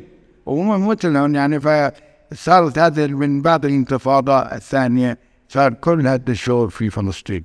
لأن نظرا للحاجة ونفس الوقت قيام أبنائنا بالخارج بحق هذا الوطن. لذلك أنتم إن شاء الله تعالى حينما تنشروا تشكروا على لساننا أننا نشكر كل محسن وكل الهيئات الخيرية الإسلامية التي كانت تمد هذه البلاد بالخير والعطاء لأنها أسست لهذه المشاريع الطيبة التي الآن نحن نأكل ثمارها بأن نمكن أبناء الشعب لنا أن نعيش على أرضها. يعني أكاديمية القرآن الكريم في نابلس. شيء عظيم. بتحفظ الأولاد الأولاد القرآن الكريم وبتعطيهم توجيه وباخذوا أحسن عشان علامات في التوجيهية في فلسطين. بل المستشفى الوطني اللي, اللي تعاقدنا مع جامعة النجاح فيه اللي هو مستشفى النجاح التعليمي. الآن بعدنا طلاب الطب وأعظم مستشفى في شمال فلسطين. شو بدنا أحسن من هيك؟ كل سنة مسافة يعني أعمال كثير كثير خيرة عملت في هذا الديار سواء من أبنائنا أو أبناء العريش ونشكره إن شاء الله من سده في المستقبل بأن يزوروننا ونقوم بإكرامهم بإذن الله. توكل الله. إن شاء الله. الخير والخير. إن شاء الله عمي. بمسار كمان التبرعات والدعم لأهالي فلسطين آه، آه، عشان أوضح إنه في خصوصية لدعم لدعم المحتاجين بفلسطين إنه الدعم حتى بيزداد وبقوى بالظروف السياسيه يعني أنا بجرب أشوف إنه مثلا بال 87 88 بالانتفاضة الأولى وكمان في موجة دعم جديدة كانت اللي هي بعدها إجت بالانتفاضة الثانية ففي مزبوط فكرة أنه مثلا تزداد التبرعات لتعزيز صمود الناس وتعزيز رباطهم في فلسطين. أكثر من فكرة أنه محبين أو ناس عندها خير وبدها تتبرع لمحتاجين. لأنه بتعرف العالم مليء بالمحتاجين ومليء بالمجاعات كمان. بس طيب. في خصوصية دائما لفلسطين تتوائم أو تتزامن يمكن مع الظروف السياسية. مزبوط؟ ما هذا مزبوط. تمام تمام. يعني فعلا إنه المحسنين الكرام لهم انتماء لفلسطين اولا. لكن حينما يضعوا في في فلسطين هذه المشاريع التي قدموها هم من باب الواجب تاع فلسطين والإسلامية فلسطين وهذه هذه تبعها وأن وأنهم يقومون بحقها ومن نفس الوقت الأجر مضاعف. ليش مضاعف؟ اسمع لسيدنا بيقول تفضل. سيدك النبي ستنا ميمونة بتقول له يا رسول الله أفتنا في بيت المقدس. فقال أرض المحشر والمنفر ايتوا فصلوا فإن صلاة فيه بألف صلاة فيما سواه. هذا واحد. اثنين قالت له يا رسول الله أرأيت إن لم نستطع أن آه، أن نحمل إليه كيف نيجي من الجزيرة العربية لبيت المقدس؟ قال ايتوه آه، قال أنا أرسل له بزيت. أرسل له بزيت. ليسرج في أناديله. فإن كتمت ذلك فكأنما إيش؟ آه، جئتم أو يعني كأنما آه، وصلتم إليه. هذا الذي يفهمون به اخواننا بالخارج إنما هو امتثال لأمر النبي عليه الصلاة والسلام. إنه يرسل زيتا إلى بيت المقدس. يعني الزيت مش مثلا يسرج في قناديله. البطاطا شو اسمه المواد التموينيه النقديات عبارة عن واجب شرعي لأبناء فلسطين أن يتذكروا من أجل من ثمن نصورهم وحفاظا على أرضهم حتى لا تضيع هنا هناك. ومن نفس الوقت خدمات خدمات تسهل معيشة الناس على أرضها. هذه الخدمات هناك يأخذ الأجر كألف صلاة فيما سواه. يعني ألف القرش اللي بيدفع هنا خير من يدفع هناك بات مرة في أي مكان آخر. لذلك علينا أنه أن نفهم أن الدفع لهذا الوضع واجب شرعي لأنه حتى لا تضيع إنك على ثغرة من ثغر الإسلام فلا نؤتين من قبلك بالك هذه ثغرة فلسطين للمسلمين. كذلك يا أيها الذين آمنوا إذا لقيتم الذين كفروا ضعفا فلا تولوهم الأدبار. ومن يولهم يومئذ دبره إلا متحرفا لقتال أو متحيزا إلى فعل فقد باع بغضب من الله وهو جهنم وسمعت أن بلادنا هناك في غزال يجب أن نصمد عليها وثمن الصمود عليها أن نقوم بخدمة بعضنا البعض سواء إنما المؤمنون أخوة وعاد واحد اثنين المؤمن والمؤمن كالبنيان يشد بعضه بعضا. والنبي عليه الصلاة والسلام قال مثل المؤمنين في توادي وتراحم وتعاطف كمثل الجسد الواحد. إذا اشتكى من عضو فدعنا سائر الأعضاء بالرحمة والسلام. إحنا نحن ما أرض بلاد لكن لكن نحن أرض آه، أجر عظيم. لذلك إخواننا والله لما كانوا يبعثوا يقولوا والله نحسدكم لأنكم في الأرض المقدسة. صحيح. ونحن مقصرون والله كان مقصر والله هذا واحد اسمه الله يرحمه الشيخ نادر النوري. والله بيحب فلسطين أكثر مني. والله هذا رجل يعني قدم كل الخير لفلسطين. رئيس لجنة فلسطين في الهيئة الخير الإسلامي. مثل هذا هذا نفس ولا هو نعيش نعيش بقدراتنا هنا. بقدرات هذا الصالحين الذين يريدون بهذه المقاصد مستشفى المقاصد في القدس من جاء كله من من تبرعات الخارج. نعم في جزء من هنا لكن كله في الخارج.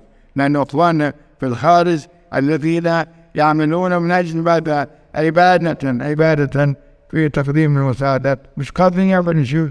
بيكون الجانب الإنساني أنا حاضر. هذا هذه لذلك يعني إحنا نشكر كل من قدم من ومن سيقدم واعلم ان الفرج قريب إن شاء الله تعالى. وربنا بعطيني تفضل. أنا أنا أنا عمل في في الدعم في الدعم تحديدا اللي مر من لجان الزكاة وهلا بسؤال الجاي بدي بدي أحكيه بدي افهمه أكثر إنه فعليا أنا لأني شفت كأحمد كشاهد ترجمة حرفيا لقضية شو يعني تعزيز صمود الناس بفلسطين. يعني فكرة لما حدا بيبعت فلوس تبني مستشفى مستشفى بمعركة ولا بمواجهة ولا من غير مواجهة ولا معركة أنا بقدر اتطبب فيه. يعني هذا إشي بيعزز أو بجاوب بشكل مباشر لشو يعني قضية آه، آه، آه، تعزيز صمود الناس في فلسطين أكثر بدي بدي أجرب أس... أ- أ- أنا وياك نطلع من من نابلس شوي وأجرب أشوف وين المحافظات الثانية غارت منكم آه. الغيرة. محل وين ضربت أول الغيرة؟ أول غيرة في تركيا لاحظ غروين أول الغيرة. غروين في الشيخ كان الخواجه الله ي- الله يرحمه. وجماعة والعلماء هناك حنون الله حنون وعملوا لنا لجنة الزكاة في تركيا. ثم رحنا عند الشيخ آه، في الشيخ آه، الجرار الله يرحمه في جنين وضبطت معهم على طول بعد تركيا. ثم آه، ذهبنا إلى خليل. وبعدنا رجعنا للقدس القدس. كانت آخر المطاف والحمد لله كلها يعني خلال سنة سنتين كانت ال- الأمور يعني سريعة يعني. هذه و- هذه بأي سنين الغيره بلشت؟ أعتبر هي بعد برضه خلال الجزء الأخير من أول من 85 سنة. من 85 طالب. نعم. نعم. لأن- لأنه اكبر انت؟ انت تفضل. آه. أنت أنت هلا من من موقعك فعليا ب... ب... من لجنة الزكاه بس لما بتيجي بتتفرج على المحافظات أكثر محافظة نجحت في إنه تعمل آه، تعمل نموذج للجنة الزكاه آه، ناجح للمحافظات هذه. أنا ان كان بدنا نتقدم حكي عن نفس يعني عن أنفسنا. وهو طبعا لا أنت إنه أنت لابس ما إحنا وقفنا لابس قصة نجاح بس آه. آه. تطلع على على الغيرانيين غير هذول الشاطرين هذول ما شاء الله عملوا مستشفيات. وأنا القدس في المسجد الاقصى اللي هم مركز الحمد لله. وهو يوزعوا ويديروا بالهم على الفقراء موجودين. لكن ما عملوش يعني زي كل مؤسسات. بس كله عبارة عن نقدي باخذوا من الفقير من الأغنياء وبيوزعوا على الفقراء. ومقرهم طبعا في في في القدس في الحرم القدسي. ال- قلت لك الخليل بنوا المستشفى الأهلي وهذا عظيم جدا. وفي أريحة عملوا دار أيتام عملوا في جنين عملوا دار أيتام و- و- و- وروضة أطفال في وبنوا مس- مستشفى الغازي. وكذلك عندنا في تركيا بنوا شو اسمه مستشفى الإسراء. كلهم وسبقوني والنقول بنوا بنوا مدرسة الإسراء ومستشفى لجنة الزكاه. أيوه والله فكلهم يعني إحنا في الان ميلاد منهم شو بدك نسوي ذا؟ لكن إن شاء الله طبعاً شاطرين يا شاطرين يا سيدي هلا أنا آه، أنا. أنا أنا, أنا عنك بدي أحكي له هو نموذج لابس أكثر نموذج ناجح يمكن حتى على مستوى المشاريع يعني نعم، بنظري مش. بقضية كثرة الصرف أو كثره لا، لا. القدره على جمع التبرعات بس لا. القدرة أكثر نموذج بشوف اليوم في قدر يوظف الفلوس في مشاريع استثمارية حافظت آه، حافظت على وجودها وظلت مستمرة لليوم. يعني هلا بندخل بمحطة آه، محطة ثانية منها. بس طيب. إذا بدي أسألك على أهم أهم مشاريع في نابلس أهم فيها. عشان أول واحد. يعني أول واحد. فيه أنت. لا أنا الحمد لله نحمد الله عليه. أول شيء عملنا آه، كنا مع أكاديمية القرآن الكريم. وهذا قلت لك من الأخوان في السعودية وأبنائنا بس برضو ش- دكتور تيسير النابلسي دفع من يعني جزء عظيم والندوة العالمية وهيئة الإغاثة الإسلامية المنطقة الشرقية. هذه واحدة.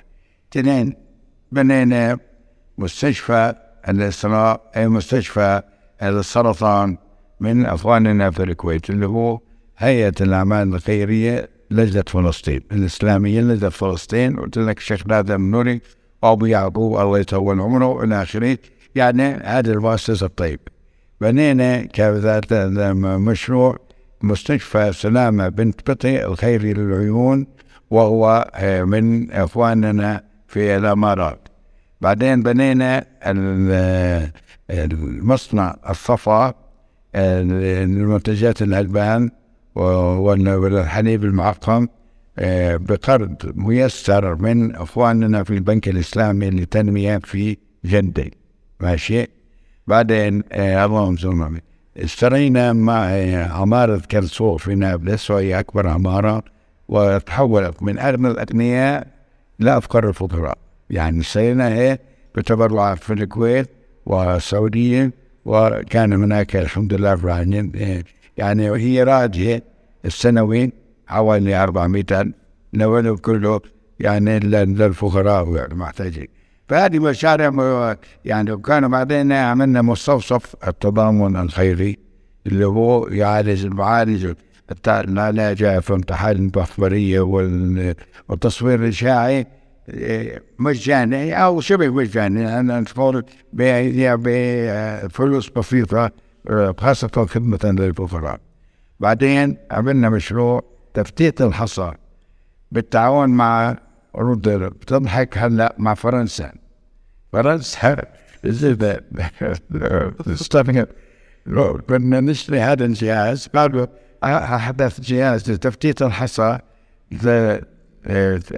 تنتجه شركة إيداب الفرنسية طيب شو نعمل؟ اتصلنا في السفارة عندنا هون أخذنا خصب 35 في المية من ثمن الجهاز ودفعته فرنسا والجهاز الحمد لله حفر الملايين اشتريناه والمساعدة من الكويت من الصندوق العربي والبنك الإسلامي وصار مركز لتفتيت الحصى بدنا عمليات جراحية ولا ما يحزن. خير خير ما إن شاء الله. بعدين اتفقنا مع جامعة النجاح وعرفنا بالنسبة للمستشفى ليكون مستشفى تعليمي. لأنه إحنا ما عندناش مؤسسات تعليمية ونفس الوقت وهذول أولى هذول كلية الطب فكان هذا الاتفاق بيننا وبينهم.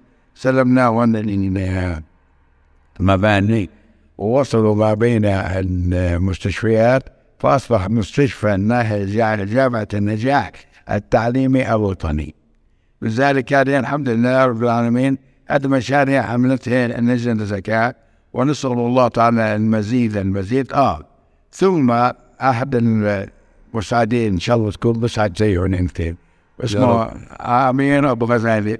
بنانا مدرسة جيل المستقبل وهي للايتام وهذا طبعا بارك الله به وأخوه برضه تبرع في القدس وتبرعوا في المناطق أخرى لذلك مع محمود غزالي بنانا مدرسه نزل هذول الولاد بلد محترمين والله معطيهم ولذلك يعني زي اكرموا هذه البلاد بالتبرع لهذه المس لذلك يعني الخير موجود بس أنت ابحث عنه مو بيجيك يعني ابحث عنه قلت لك عملوا خلال سبع سنين 30 مدرسه نابلس هلا هذا والمساجد 127 وشو بدك؟ بكفي بكفي أنت هذا هذا هذا مش بس عمي هذا هذا استثمارات هذه يعني شركات قابضة هاي. هلا السؤال اللي بعده اداريا كيف كان يتم إدارة المشاريع هذه؟ البنى الإدارية تبعتها البنى في اجمل منك.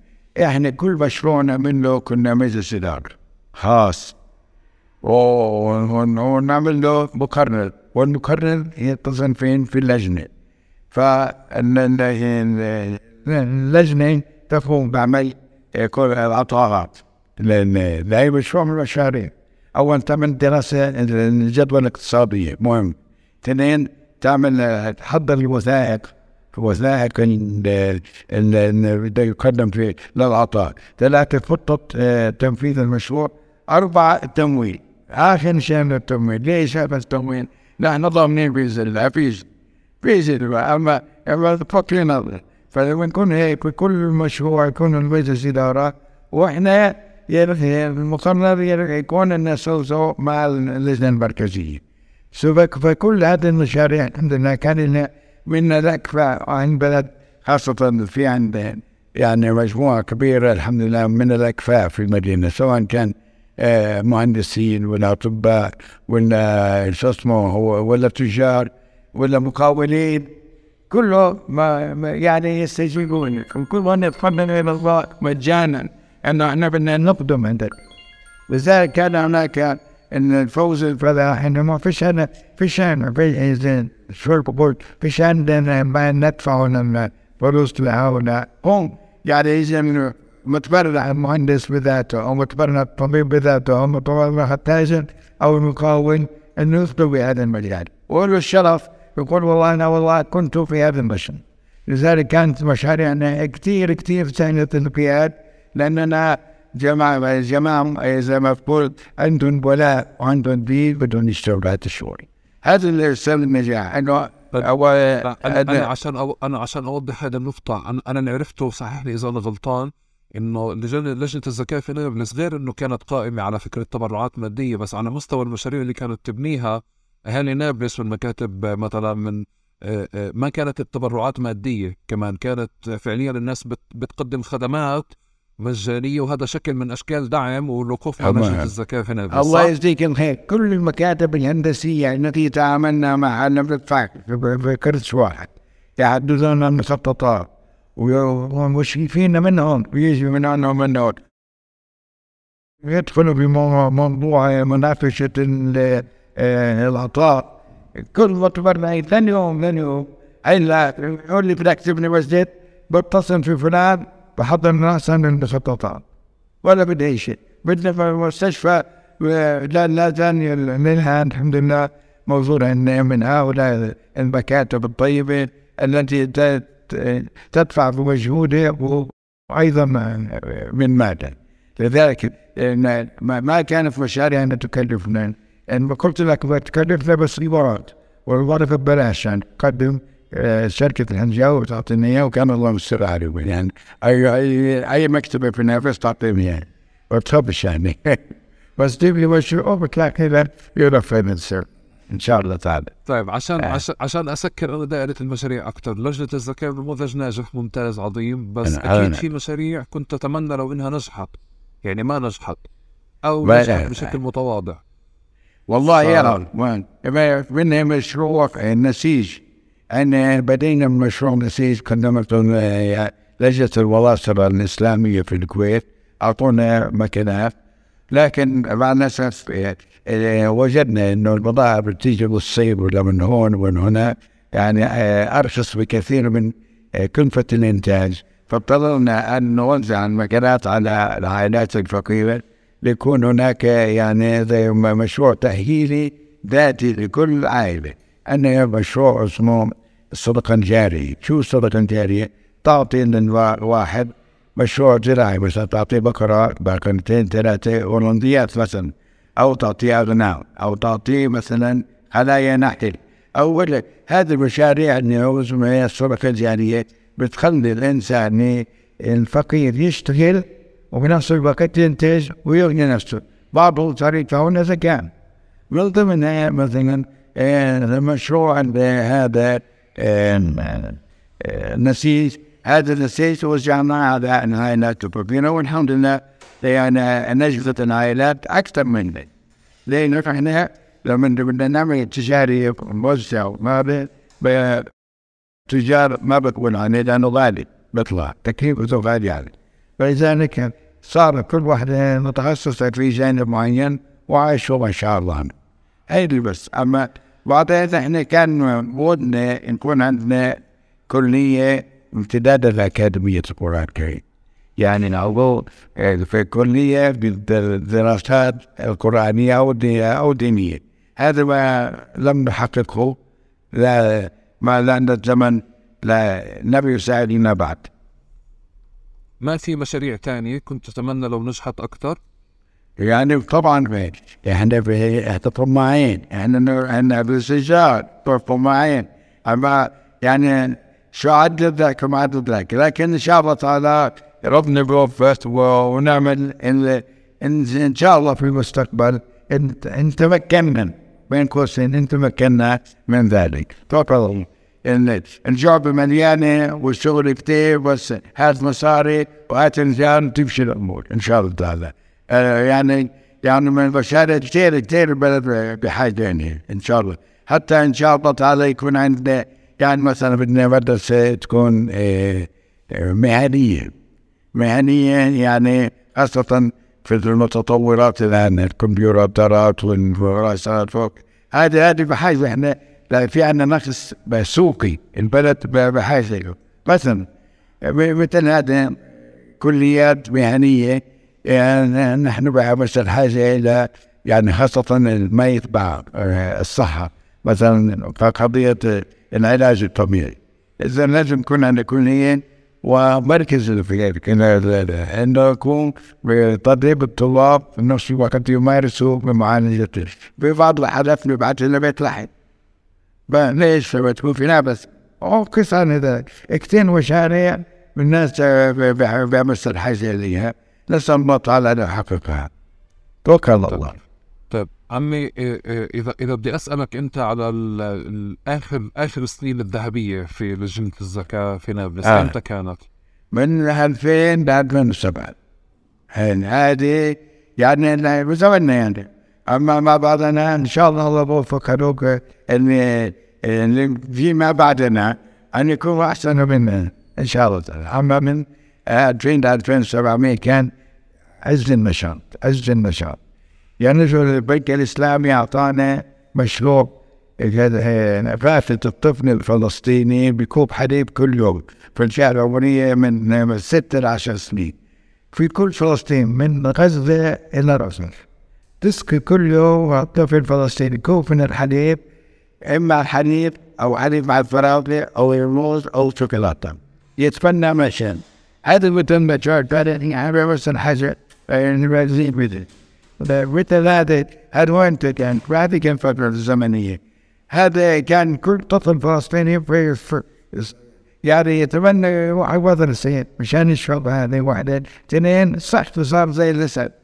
هذا هذا مشان إن تنزل إلى آه، متطلبات السوق الفلسطيني أو الطفل الفلسطيني أو المجتمع الفلسطيني حتى تمكنه من التمثيل الصحي الكامل التعليم الكامل الصمود على أرضه الانتباه للوطن شو بدنا أحسن من هيك ومشاريع هذيك اللي بتعمل إيه؟ أمة أنت.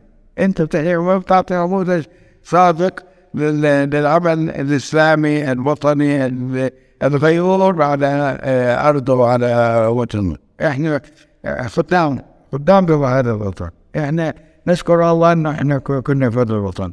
ونشكر الله أن كنا في هذه الظروف الصعبة. ليه؟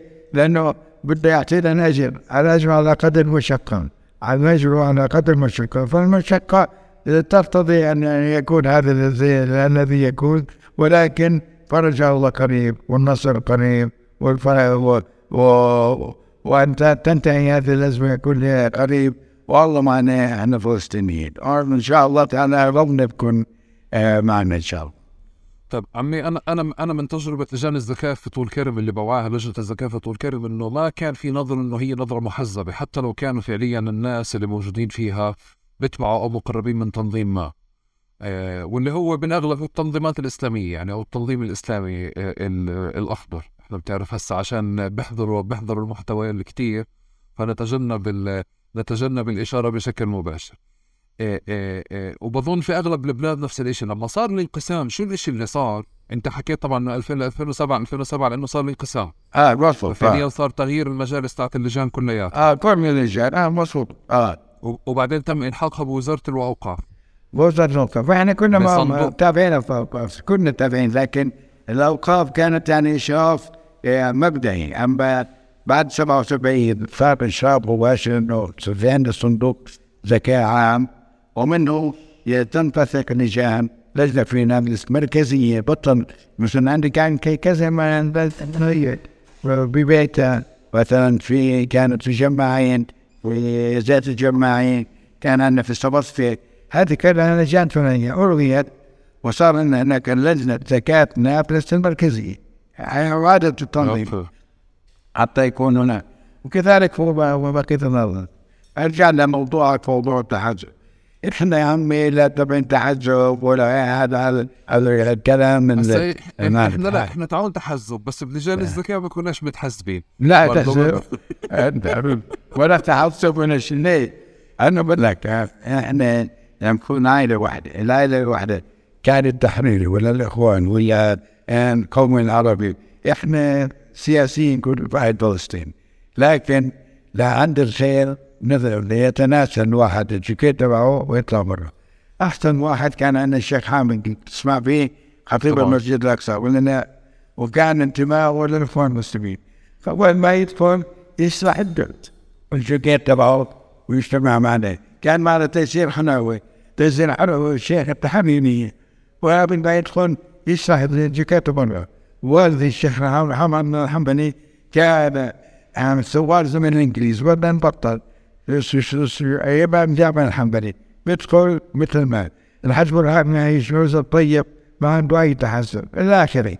أما نحن يقول والله عشان هذا الافلاك أو التحرير أو ما انسان لذلك سر النجاح سر النجاح الاكبر بعد توفيق الله تعالى أننا لا نفرط بين احد منهم.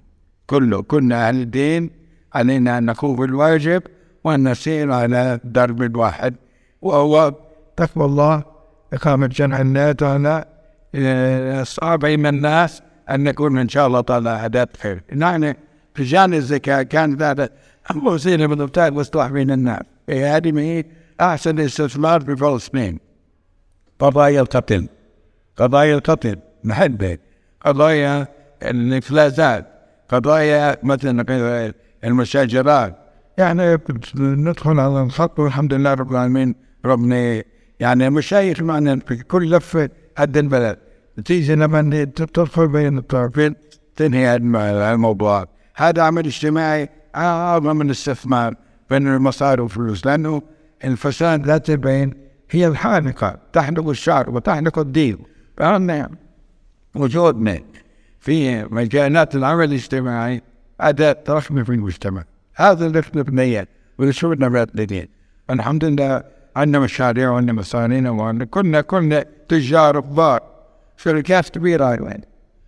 لكن طب طب 2007 شو اللي صار؟ 2007 واجي آه ورئيس وزراء عنا أظن هذا من داير القصون وقال إنه سلام فياض آه. السلام فياض إنه هناك جت يعني طبعا أمريكا شكت علينا شكت على لجان الزكاة. وذلك توصية من مشارج دايتم ويتم واحد من هذول. قال لنا لابد من حل لجان. ربنا الله ما حده عمل عملنا عملنا يعني تعديل. عملها مركزية من تحت إشراف ذات الأوقاف المباشر وزارة الأوقاف ومشت الأمور. عملوا لجان واللجان الله يوفقه وياك بيته طبعا اللجان القديمة راحت ممنوع. وألفوا لجان جديدة. واللجان الجديدة اشتغلت امتداد. لكن ما ما تعقدش الفخم الكبير اللي كانت اللجان السابقة لجان كل اللجان السابقة من الأول كان زخمها في السوق أكثر. يعني إلها ثمر يعني تجربة ومشاريع تباين زي ما بقول زباين ثمن الفطائر أو أنه كان قابضين. لذلك هذا لما نجت لجان جديدة يعني صار هنا يعني مثلا في أحد اللجان أربع خمس مرات في الروي ليه؟ لأنه ما في شيء هناك تجارب ثانية والآخر الأمور ماشية ونسأل الله تعالى له التوفيق. شو بدك نسأل الله نسأل الله لهم التوفيق بس هم مش عم مش عم بتوفقوا. الشيء بدك تقول الأسباب إحنا إحنا إحنا هلا هلا بدنا نبلش الاسباب بس بقصد إنه بالمرحلة الانتقالية هذه اللي هون لما اجى سلام آه. فياض بتعليمات من دايتون أو الامريكان ضمن ضمن آه اللي هو كان خلص تجفيف منابع كثيرة تنظيم فكرة الفلوس لازم تدخل بس للسلطة ممنوع يكون في أي مسارب. وأظن إشي تاني كمان أنت بمسارك كمان يمكن آه, آه، فترة لما فاز آه فاز هنية وصار هو رئيس الحكومة إسماعيل هنية. آه. أنت كمان كان عندك نشاط حزبي وقتها صح؟ لا لا. لا. أوكي. لا.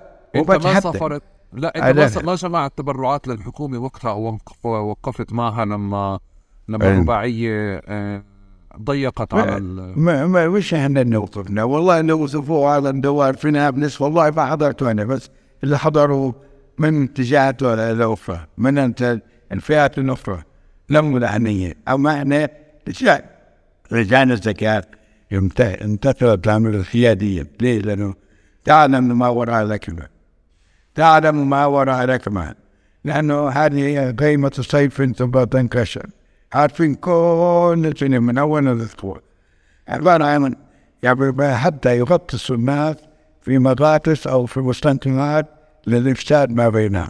إحنا مش منتمين كنا راجل والد الله يرحمه طلبوا الحاكم العسكري في نابلس. هذه قصة عملوها بالتاريخ طلبوا. قال له أنتم ليش تعطوا مصاري للناس؟ قال له أكبر عميل فلان. حرم حكايه كيف اليوم في على التلفزيون لكن معروف. اولادنا ايتام إحنا نعطيهم. وأقوى وطني في نابلس قتلوه واستشهد في في مكان ما. بديش بعدين حتى نعطي اولاده شو ذنب الطفل هذا اليتيم؟ بعمل أبوه أبوه سواء كان وطني أو عمين كله الطفل بده يعيش. مين بده يكون فيه؟ وإن تركته بيطلع صار بصير قاتلك هيك كان من بلدي. فقال يا مين؟ بقاتلك وصار صار من هذا من إحنا نحتضنه بنعلمه نبعثه على الجامعات بيطلع طبيب بيطلع دكتور مهندس. بيفهم كيفية الحياة من الوقت وفي خلال المنصب أي واحد كان قال لهم يا شيخ. من من هذا يمشوا زي ما بدكم. ويعني صار مواقع بيده إلى باب المحكمة. وهذا المحل العضو العسكري إحنا انت رسالتنا رسالة الإسلام. رسالة الإسلام تعني انه إنما المؤمنون اخوه بعدين السوية وبنفس الوقت لا نتحزب لا لهون ولا هون. أما إحنا من أبو هنيه أبو هنيه من اخذ 500 دينار بالنابلس بفرفومه في دولة هذا موارد الدولة. يرجعوا لموارد الدولة نتيجة مصاري الدولة. وبعدين هو بس أبو هنيه بده ياخذ منها انت نابس 500 دينار زي ما بقولوا إحنا بدناش دينار دينار هو الله صلى على النبي. خزائن ورحمة ربنا كثيرة. إله ولا غيره. لذلك هذا كله عبارة عن فتن. حتى يعني حتى يركزوا على موضوع الانكسار ويزيدوا من موضوع الانكسار. إحنا إحنا ومعون الفتحة والحمسة والجبهة وحتى الشيوعي أكثر من هيك. لما بنادي النداء الكل بيكونوا في الصف المعد كيف نعمل قلت لك لما اللقاء بيننا سواء كانت من إصلاح ذات البين أو غيره كلهم بيكونوا معنا.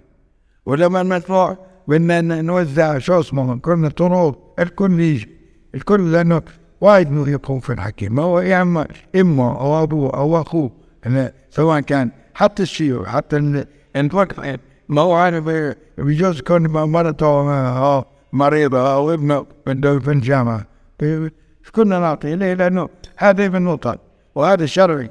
لكن إحنا بعملنا الخير. يعني بكرة بتكلم بفاهيم الناس انه والله فيها خير وإن الإسلام برب ناس طيبين سواء كان هيك أو هيك أو هيك. يعني إحنا مع بعض كنا من أولنا لكن مع كل زعماء فتحنا في المعبد. لن يوم نشتغل هذا اليوم. شو يعني؟ شو يعني؟ إن الخير هو الخير عندك ولا أما نتحسب ونقول والله هذا أنا حمد سنة وأنا فتحة وأنا جبهة. والله كنا الاصدقاء لازم يكونوا عم بعد.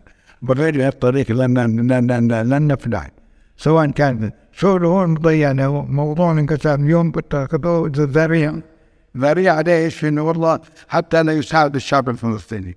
لا يعني يساعد الشعب الفلسطيني والسياسيين يتخابطوا برا أحنا ما لناش علاقة بهم إحنا نبير بالنا الناس. عندنا فقر شديد الآن. عندنا عوز شديد. عندنا شهداء كل يوم. عندنا رمل كل يوم. عندنا ايتام كل يوم. اتقوا الله في هذا الشيء إيه. لا إله إلا الله. الله يعطيك الصحة يا حاج. الله يبارك فيك. ثانك يو عمي بالفترة يعني اكتب يعني. يعني كل واحد. تفضل. آه، تفضل احكي تفضل. بوقف مع كل واحد بتطول بالك عليه تانيين طبعا طبعا طبعا. شو أنا أنا مكيف أنا مكيف معك. أنت. أنا طيب زي ما زي ما بدك. احكي. طيب آه، بالمرحلة بالمرحلة اللي اللي تم تشكيل لجان فيها آه، في آه، وانتقال يعني تغير اللجان وتغير المسؤولين في لجنة الزكاة. 2007 تمام آه، صار نعم. في زي الاشي المحترم اللي بصير بالمؤسسات والشركات المحترمة تسليم استلام من إلى آه، فترة الله فيك. سؤال سؤالك وجيه جدا جدا جدا. وزارة الأوقاف انتدبت تسع أشخاص. برئاسة السيد حسام أبو اللي هو وكيل وزارة الس- عملت لجان يعني آه، تسليم واستلام لل لجان الزكاة أول لجنة لو هناك قعدوا عندنا تسع أيام. دققوا جميع المعاملات. جميع الميزانيات فهمت جميع الموارد جميع الأرصدة في البنوك أرقام البنوك جميع المشاريع. أخذ دققوهم ثم جابوا شركة اسمها سابتو شو اسمها؟ سابكو هذه شركة سابتو للتدقيق دققوا كل هذا الحكي. سلموا الوظائف وعملنا محضر وكتاب الشكر من هذه اللجنة للجنة زكاة نابلس وهذا الحمد لله أي إنسان بيجي بعد في هذه المحاضر تسع أيام متوالية. متوالية وهم يدققوا كل خاصة الميزانيات خاصة الأرصبة البنوك ال- المشاريع كل هذه ما هو فيها فلوس واخذ واعطى ونحن الحمد لله رب العالمين يعني وصلوا لنتيجة أنه يا حبذا يا حبذا. أن تتخذ بقية المؤسسات مثل هذه المؤسسة في دقتها وأمانتها وحسن مشاريعها. هذه للتاريخ هذا للتاريخ إحنا إحنا من عندنا سلمنا نضيف معناها كل طبعا نظيف. ونضيف الحمد لله. أيوة شو. صار بعدين؟ أيوة. بعدين هذه وش شغله بنيان ساخذ لك واحد تسمع منه أنا ما بعرف لا لا لا بس أنت أنت فعليا لا مش هيك أنا لا. اللي, اللي شغل الصفا اللي شغل الصفا بيعرف شو صار بالصفا يعني يا ليش سيدي، اليوم. تراجع يا سيدي يعني رد اللي, عليه اللي اللي بنى اللي بنى مدرسة الإسراء فرضا في طول كرم ال- آه. آه، واشتغل عليها الحج بلال خميس هو بيعرف شو صار بلال. بلال بلال الله يطول فيعني, عمرك عند بلال. فيعني أنتوا أنتوا آه. بتعرفوا فعليا شو سيدي. شو شو, شو صار يعني إحنا إحنا بنقول انها فترة انتقالية فزي فترة انتقالية ولعل الله تعالى أن يصلح الحال الذي إيه، كان هناك قبل ذلك لأنه يعني عدة إدارات صاروا فكل إدارة لم تستمر يعني لم تكمل ما سبقها فهذا اللي صار لكن الح- الحمد لله اللجان مستقرة وإن شاء الله تعالى يعني يعني وزارة الأوقاف تحفزه دائما ومن خلال صندوق الزكاة أنهم يعني إن شاء الله تعالى يضبطوا عملهم. ويزيدوا عملهم يعني ينموا عملهم إلى المقصود أنه ينموا العمل لأن الحاجة تزيد والعطاء يعني واصل. يعني مش واقف؟ يعني يعني فيش زيادة بدنا يتنام. الازداد مع الحاجة مع بعضهم البعض نسأل الله تعالى أن يأخذ بيدهم ودعي له يعني ندعو له. إحنا بندعي بندعي لهم عم إحنا بس بنسمع بنحكي روايتنا يعني عنهم وبندعي لهم إحنا بندعي لهم لأنه هاي المشاريع مشاريعنا كمان بالآخر. ما هي بدنا إياها. من مشاري اللي إيه. بدك روح روح انصحهم انصحهم انصحهم وقعد معهم اجتمع معهم واطلبهم كعلى آلية عمل خطة للتطوير. خطة للتطوير. خطة للتطوير بس. حتى ما- حتى عم يعني عم عمي يعني عمي هم بيعرفوا يعملوا خطط للتطوير. هم مش محتاجين إيه. حدا مثلي يروح يقول لهم اعملوا خطط للتطوير. عشان هيك بفكر في مشكلة صارت وهنا في ادعاء هذا اللي بدي أفحصه معك إنه مثلا مثل ما في شركات وقطاعات استثمارية كثيره في البلد بتم إضعافها لصالح شركات تانية تمام؟ أو بتم إضعافها لصالح تجار تانيين. في في وجهة نظر بتقول إنه فعليا الصفا ما هو كان ناجح. شو صار فيه؟ ليش صار نضرب فيه هذا؟ وفعليا إذا أنت بتأخذ مشروع ناجح حتى لو تغيرت فيه اللجان سنة بعد سنة إحنا عم نحكي عمي على على يعني على 17 سنة هلأ. فهذه هذه الموضوع مش إنه في شيء تراكمي صار. وصلنا لمحل إنه في مشاريع مش عم تتقدم واحد واثنين عم تخسر من قيمتها. فعلى الجهتين على الجهتين في خليني أحكي بوادر أو تحذيرات لحالها وتنبيهات طلعت ومشيت. بس صار في ادعاء فكرة إنه مش إنه بس بدنا نسيطر على لجنه الزكاه إنه ممتاز تم السيطرة عليها وإعداد لجان زكاه واستلمتوا الشغل صح؟ بس بعدين نعم. ليش ما تم استكمال والاستمرار بإنجاح هذه المشاريع؟ هذا واحد. اثنين ليش ما تم تكبيرها؟ شوف اولا لأنه فيش كبر. هذا الموضوع الحنيف يا كمان مش بدا يجي من فراغ. مش يجي من أيام يوم ولا بسنه مشروع مع السفر عبارة عن نمى من بصرة توطن الفقير إلى تجميع عدد من الأبقار إلى عمل مزارع كبيرة لإنتاج الحليب إلى تصنيع إلى بأجهزة بنطلقها بمكان لينافس البضاعة الإسرائيلية. في هذا هذا حطها في ذهنك تمام إنه إحنا هذا لما جبنا التتراباك اللي هو أعظم شركة في العالم السويدية. لإنتاج الكرتون والنازل تابعة الحليب المعقم اللي يقعد على في درجة 130 مئوية مدة أربع ثواني. ولا ونحفظه بهذا الكرتون لمدة ستة شهور. لا يحتاج إلى مادة حافظة ولا إلى مادة يعني منزوعة هذا المشروع مثل هذا كان منافس لشركة مثل تنوبا وغيره وبالتالي يعني مش من السهل يا ولدي مش من السهل إنه حد يقيده.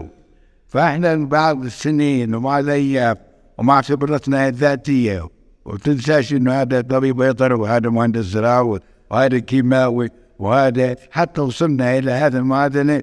نشتري من السويد هذا المصنع بقرض ميسر من البنك الإسلامي. وتنساش إنه هذا يعني هذه السلسلة كلها ما كانت سنة ولا سنتين ولا ثلاثة حتى تمكنا من شهر مزارع. يا رجل كان عندنا مزارع عنده ثمانية ونص فقر كنا نعطيه قرض للمواطن الكريم. شو نعمل؟ نقول له خذ وتسد من خلال اعطائنا نتيجة السنة روح اعمل مزرعة ربي فيها بقر واعطينا الحليبات لأنه ما فيش إلا رجالنا يسوق الحليب الا عن طريقه يعطينا الحليبات ونعطيه سعر معقول لا إحنا قليل ولا هو كثير وهو يسدد ثمن الباب والمزرعة وإحنا ناخذ الحلبات كل ست شهور يكون عنده مزرعة.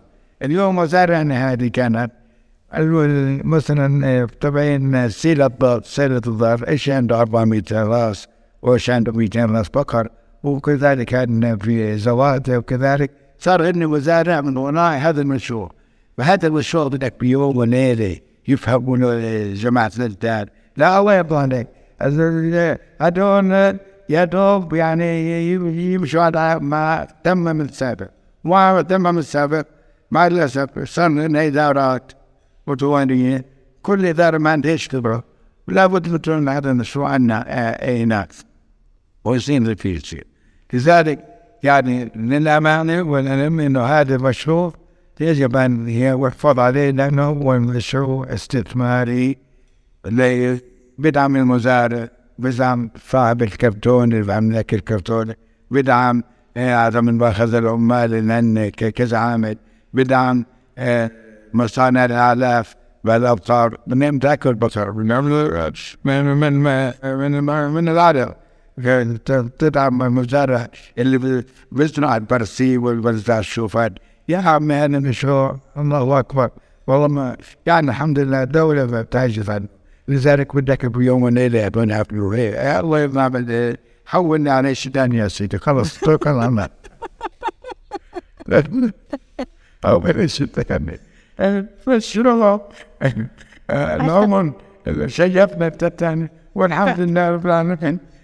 كان نتيجته نشكر البنك الإسلامي نشكر الصندوق العربي. الصندوق العربي كانوا نروح وزعوا حليب على الأطفال. يعني هذا مشروع قومي قومي. بلاش استراتيجي صار من هو بده الطفل بده يشرب مؤمن. حليب ما عندهش مو حليب.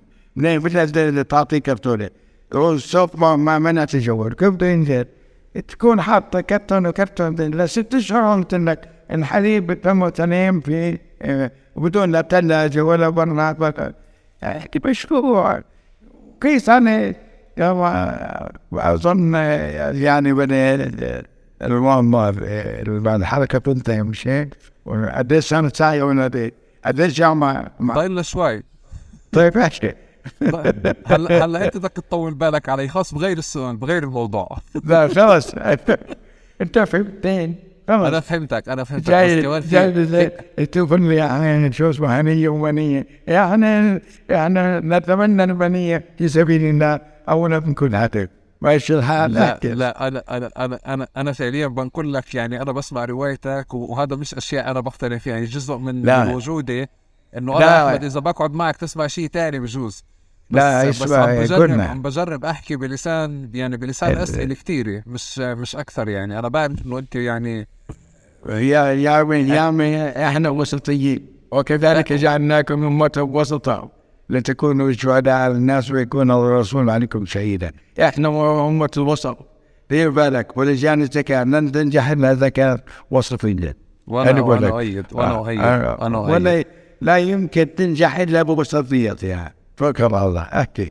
طيب آه لما لما لحد 2007 لما تركتوها كانت قيمة قيمة لجان اذا بدنا نحكي على قيمة لجان الزكاه ولجنة الزكاه في نابلس كاستثمار واللي هو في عندها أراضي وفي عندها استثمارات وهيك. آخر التقديرات كانت لقيمة ال ال الأصول للجنة الزكاه أي في رقم ممكن تصرح فيه أو بتذكره؟ ولا لا والله يعني بس أنا بقول لك في عندنا كان آه، حوالي 50 وفية. وفيات هذه. الوفيات طبعا واحدة توقف في بيتها أو توقف غرفة أو توقف قطعة من الأرض أو يعني في عندنا بهذا عدد من الوقفيات عندنا زمانة الزكاة تبعت كالسوق وعندنا طبعا المدارس والمستشفيات كلهن مسجلة يعني كل هذا عبارة عن وقف خيري إسلامي عام. دير بالك مش الزكاة. وقف خيري إسلامي عام. حلت الزكاة. وين بتروح هذه الأموال يعني أنا قلت لك الله يرحمه الحاج برهان يعيش. هذا كان عبقري. عبقري عضو نزل الزكاة لكن بنفس الوقت مفكر ومحامي. فقال لو تعملوا مثلا لفلان بترول لكن لو تعمل.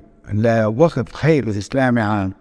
في أي جيل من الأجيال بتم حافظ له حق في هذا يعني مثلا كان في عندنا في يافا حسين المسجد حسين باشا أو حسن باشا.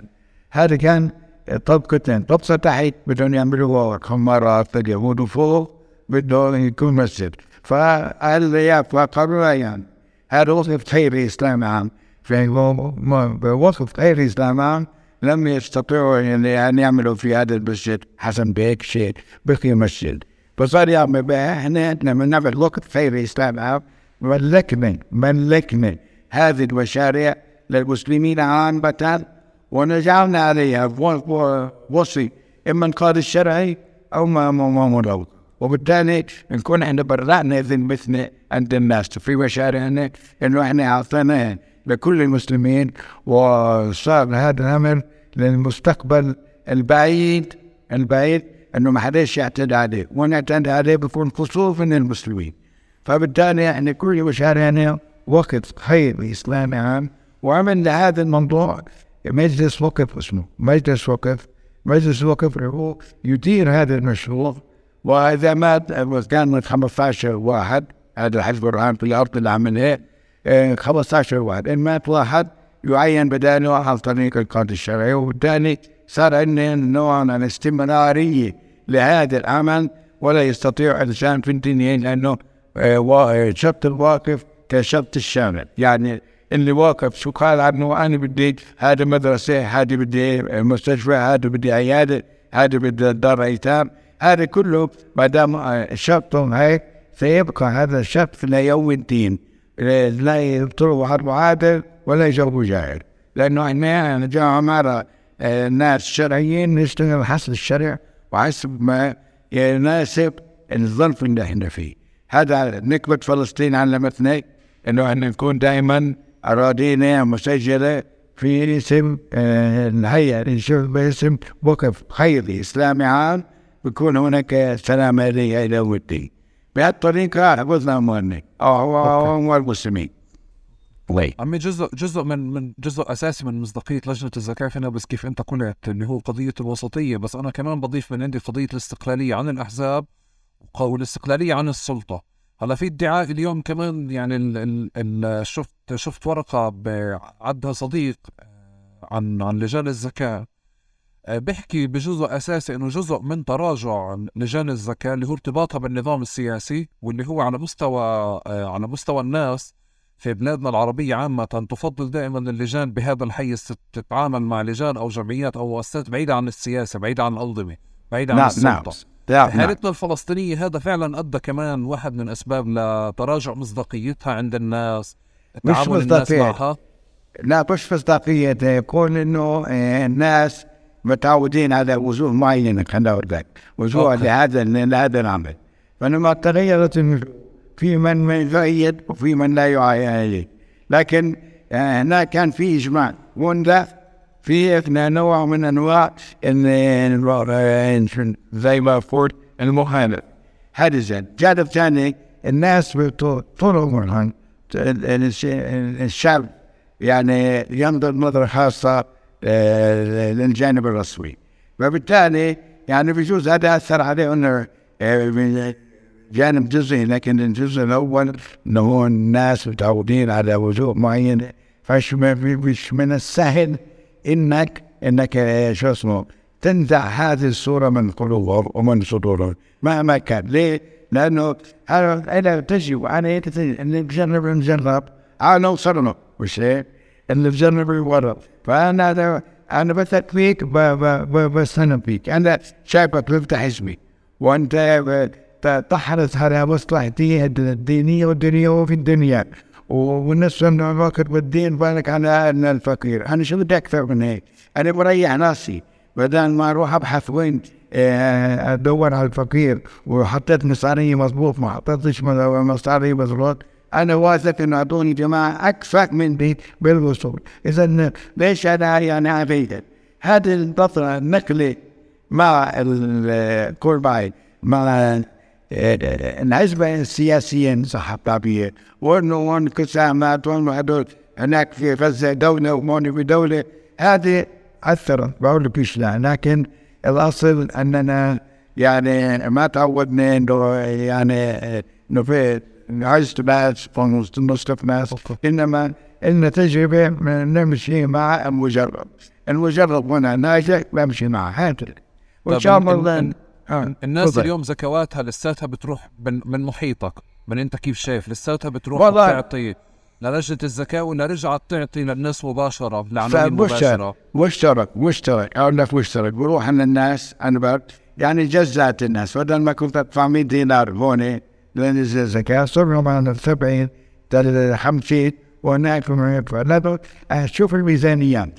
قارن الميزانيات النساء والميزانيات لاحقوا وبتكون أنا ما عنديش أرقام أمام زي ما قلت لك قارن بين المدفوع والمصروف. عدد المندفعين.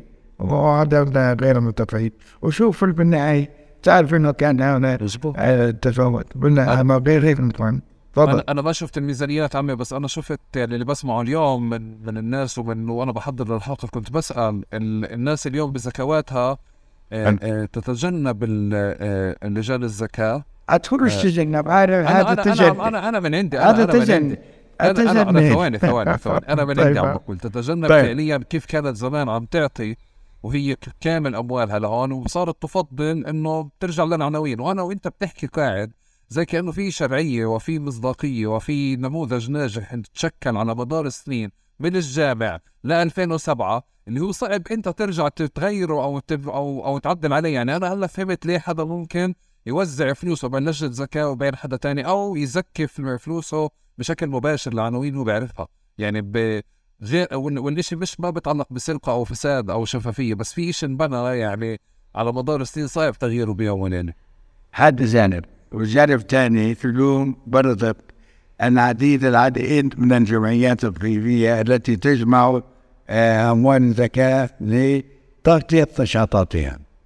هذا إن هذا أنتم غافلين عنه. كثير من اللجان بعد اللجان الزكاة صارت وجمعيات عينية تقوم بجمعية بشيء للسرطان شيء مثلا إن حماية الأسرة شيء لليد الصغيرة شيء. يعني هنالك لجان الآن تخيل عليها يعني. آه أيوة قائمين في الجوانب الآخر بيكونوا بتغطية احتياجات المجتمع. مثلا رعاية الكفيف رعاية أمراض التوحد في نابلس رعاية آه، طالب فقير آه، جمعية مثلا البر جمعية التضامن جمعية كل حماية كل لجان الآن عندنا كثير بجمعيات بتكون بخدمة المجتمع كل حسب نشاطه هذا برضه أخذ من حصة الزكاة ليه؟ لأنه في منهم النشط وصار يصهر مباشر يعني كفالة الأيتام كان هناك مثلا عندنا 5000 يتيم في جهة صار تاخذ مثله ليه؟ لأنه نشطوا وفي ناس نشان لذلك هذا يعتبر من حصة الزكاة. إذا بدنا الزكاة بعينها إنه ترجع إن النشاط السابقة من صار بالخارج مثلا هيئة الأعمال الخيرية لدولة الإمارات. هذا بتاخذ كل الايتام من عندك. إذا أنت يعني تابعتها هي إبراهيم وراشد الله طول عمره رئيس عندنا في جنين. ف بإمكانه أنه يعمل تسهيلات. لكن برضه الموضوع الآخر إنه أمريكا بنحكيها بصراحة تمنع إيران لأن عندنا من خلال مؤسسة رسمية حكومية. فمن هذا لازم يعني يعني غلطان لأنه بعد ديسمبر ولا سبتمبر سبتمبر تماما صار قرار ممنوع تزويد تحت الإرهاب. قبل نشن يعني إحنا ضد الإرهاب إحنا بدنا الغنية تظفر وبس. ما بدنا هذا حكم شرعي حكم الله فوق أمريكا وفوق فوق الناس إحنا بدنا الله سبحانه وتعالى يرضى عنا ونفذ حكمه في توزيع المال وفي أموالهم حق معلوم يستعيدوا معه. أما نحن مع الإرهاب الإرهاب إلى دول أما إحنا ناس بدنا نعيش كشعب في خيمة واحدة في على بسيطة اسمها فلسطين. بدنا نعيش نعيش المشرفة أن نحتاج للخارج وإنما نقوم في أموالنا. لذلك تؤخذ من أموال من أغنيائهم وتعطى للفقراء كما قال عليه الصلاة والسلام. إحنا بدنا الزكاة اللي في هذه البلاد تنجح بأي وسيلة من الوسائل لتكون بحق الفقراء. أما ما سوى ذلك ما لك لا في السياسة ولا في حروب ولا في دول ولا في جماعات ولا في أحسن ولا في حركات. إحنا نقول دائما يد الله مع الجماعة ويد الله على الجماعة. مش من الجماعة ويد الله على الجماعة. صحيح. حتى إيش؟ حتى يعرف كل واحد إنه وين حزب إحنا مساكين. كل فقراء يعني نحن كنا فقراء له. الغني والفقير لكن في حق وفي أموال حق معلوم نستعين المحروم وإذا نخلص من هذا الحق اللي وضعه ربنا في رقبتنا في والفائز من يضمن بك الله. حج حج تعبت من الشغل في المجال العام؟ شوف أنا بتمتع في الشغل. بتمتع. أو هواية سند. أو آه، مش بس هواية. صار عندي يعني حافز ذاتي. يعني إذا شفت حالي ما ما عملتش في من العام بتلاقي في قلبي بيرفضني وين رايح؟ وين رايح؟ وين جاي؟ لكن الله سبحانه وتعالى بعوضنا يعني. في عملنا في عام دائما عام مفتوح. الصلاة ذات البين الحمد لله موجود بالشكل آه، شو اسمه؟ المشاريع الخيرية مساجد مدارس هذا في خير بنفس الوقت إرسال الطلاب يعني في الأزهر والأزهر برضو مع نشاط خير. بحثان بعثات للطلاب للتخصص للطب ولا غيره للفقراء برضو عمل خير كثير عمل خير بس جيب قطع يعني مصاري وإحنا مستعدين ندلك عليه شو رايك؟ هيا هيا اموال الله يعطيك الصحة والعافية. حجي أنا أنا أنا بنهي المقابلة بالعادة بشيء بعيد عن كل هذه المواضيع بشيء بالأكل لأن إحنا بنحب الأكل. فبالعادة بنتخصص بالمقلوبة. فأنا بسألك. كيف كيف المقلوب كيف بتحب المقلوبة؟ والله إحنا شيء المرة ما بتعملون لنا المقلوبة؟ مشان تسمعني هنا والله انه المقلوبة اسكي نعملها م- إما بالقنابيط أو بالباذنجان. والناس بيعملوه بالفول لكن هذا ما عندناش كثير إحنا بنلطف بعدين بلحم الضان لحم الضان يعني القرفان وخاصة يعني يكون الخروف عمره ست أشهر مش كبير. ولا بنصير صغير ما حتى ناكل. هو بتشكلها بشوية آه، لوز هذا لبس عديد مش مش طيبة. البس عديد وتجيب لبن آه، إن ما انعاج لبس عديد ولنفكر أنا زي انه بعطينا لبن آه، بقر من هالمزاد عندي إن شاء الله. بتصير مقلوبه المسعدين هاي اسمها هيك. ولا إحنا من هذا تجمع أنا والاصدقاء على المخلوق زيك على مقلوبه وقع. المسعدين نجمع مسعدين زين. أو مقلوبه المسعدين لا لا. الله يعطيك الصحة. يا حاج أنا- شكرا جزيلا لك على, هذا الحوار. شكرا؟ هيك على طولت بالك علي؟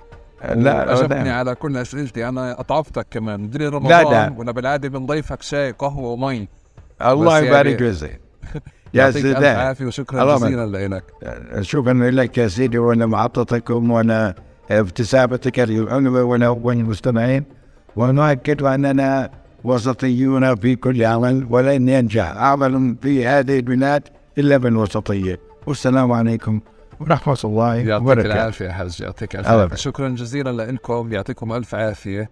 أه بتمنى بتمنى هذه الحلقة كانت لكم حلقة يعني مفيدة ساعدت آه، فعليا آه، بفهم آه، موضوع الزكاة والتبرعات بسياق غير مساندة الفقير للضعيف فقط بل بسياق بناء المجتمعات وبناء المؤسسات وبناء الدول وتعزيز صمودنا في فلسطين. شكرا جزيلا لكم ونلتقي في حلقة قادمة.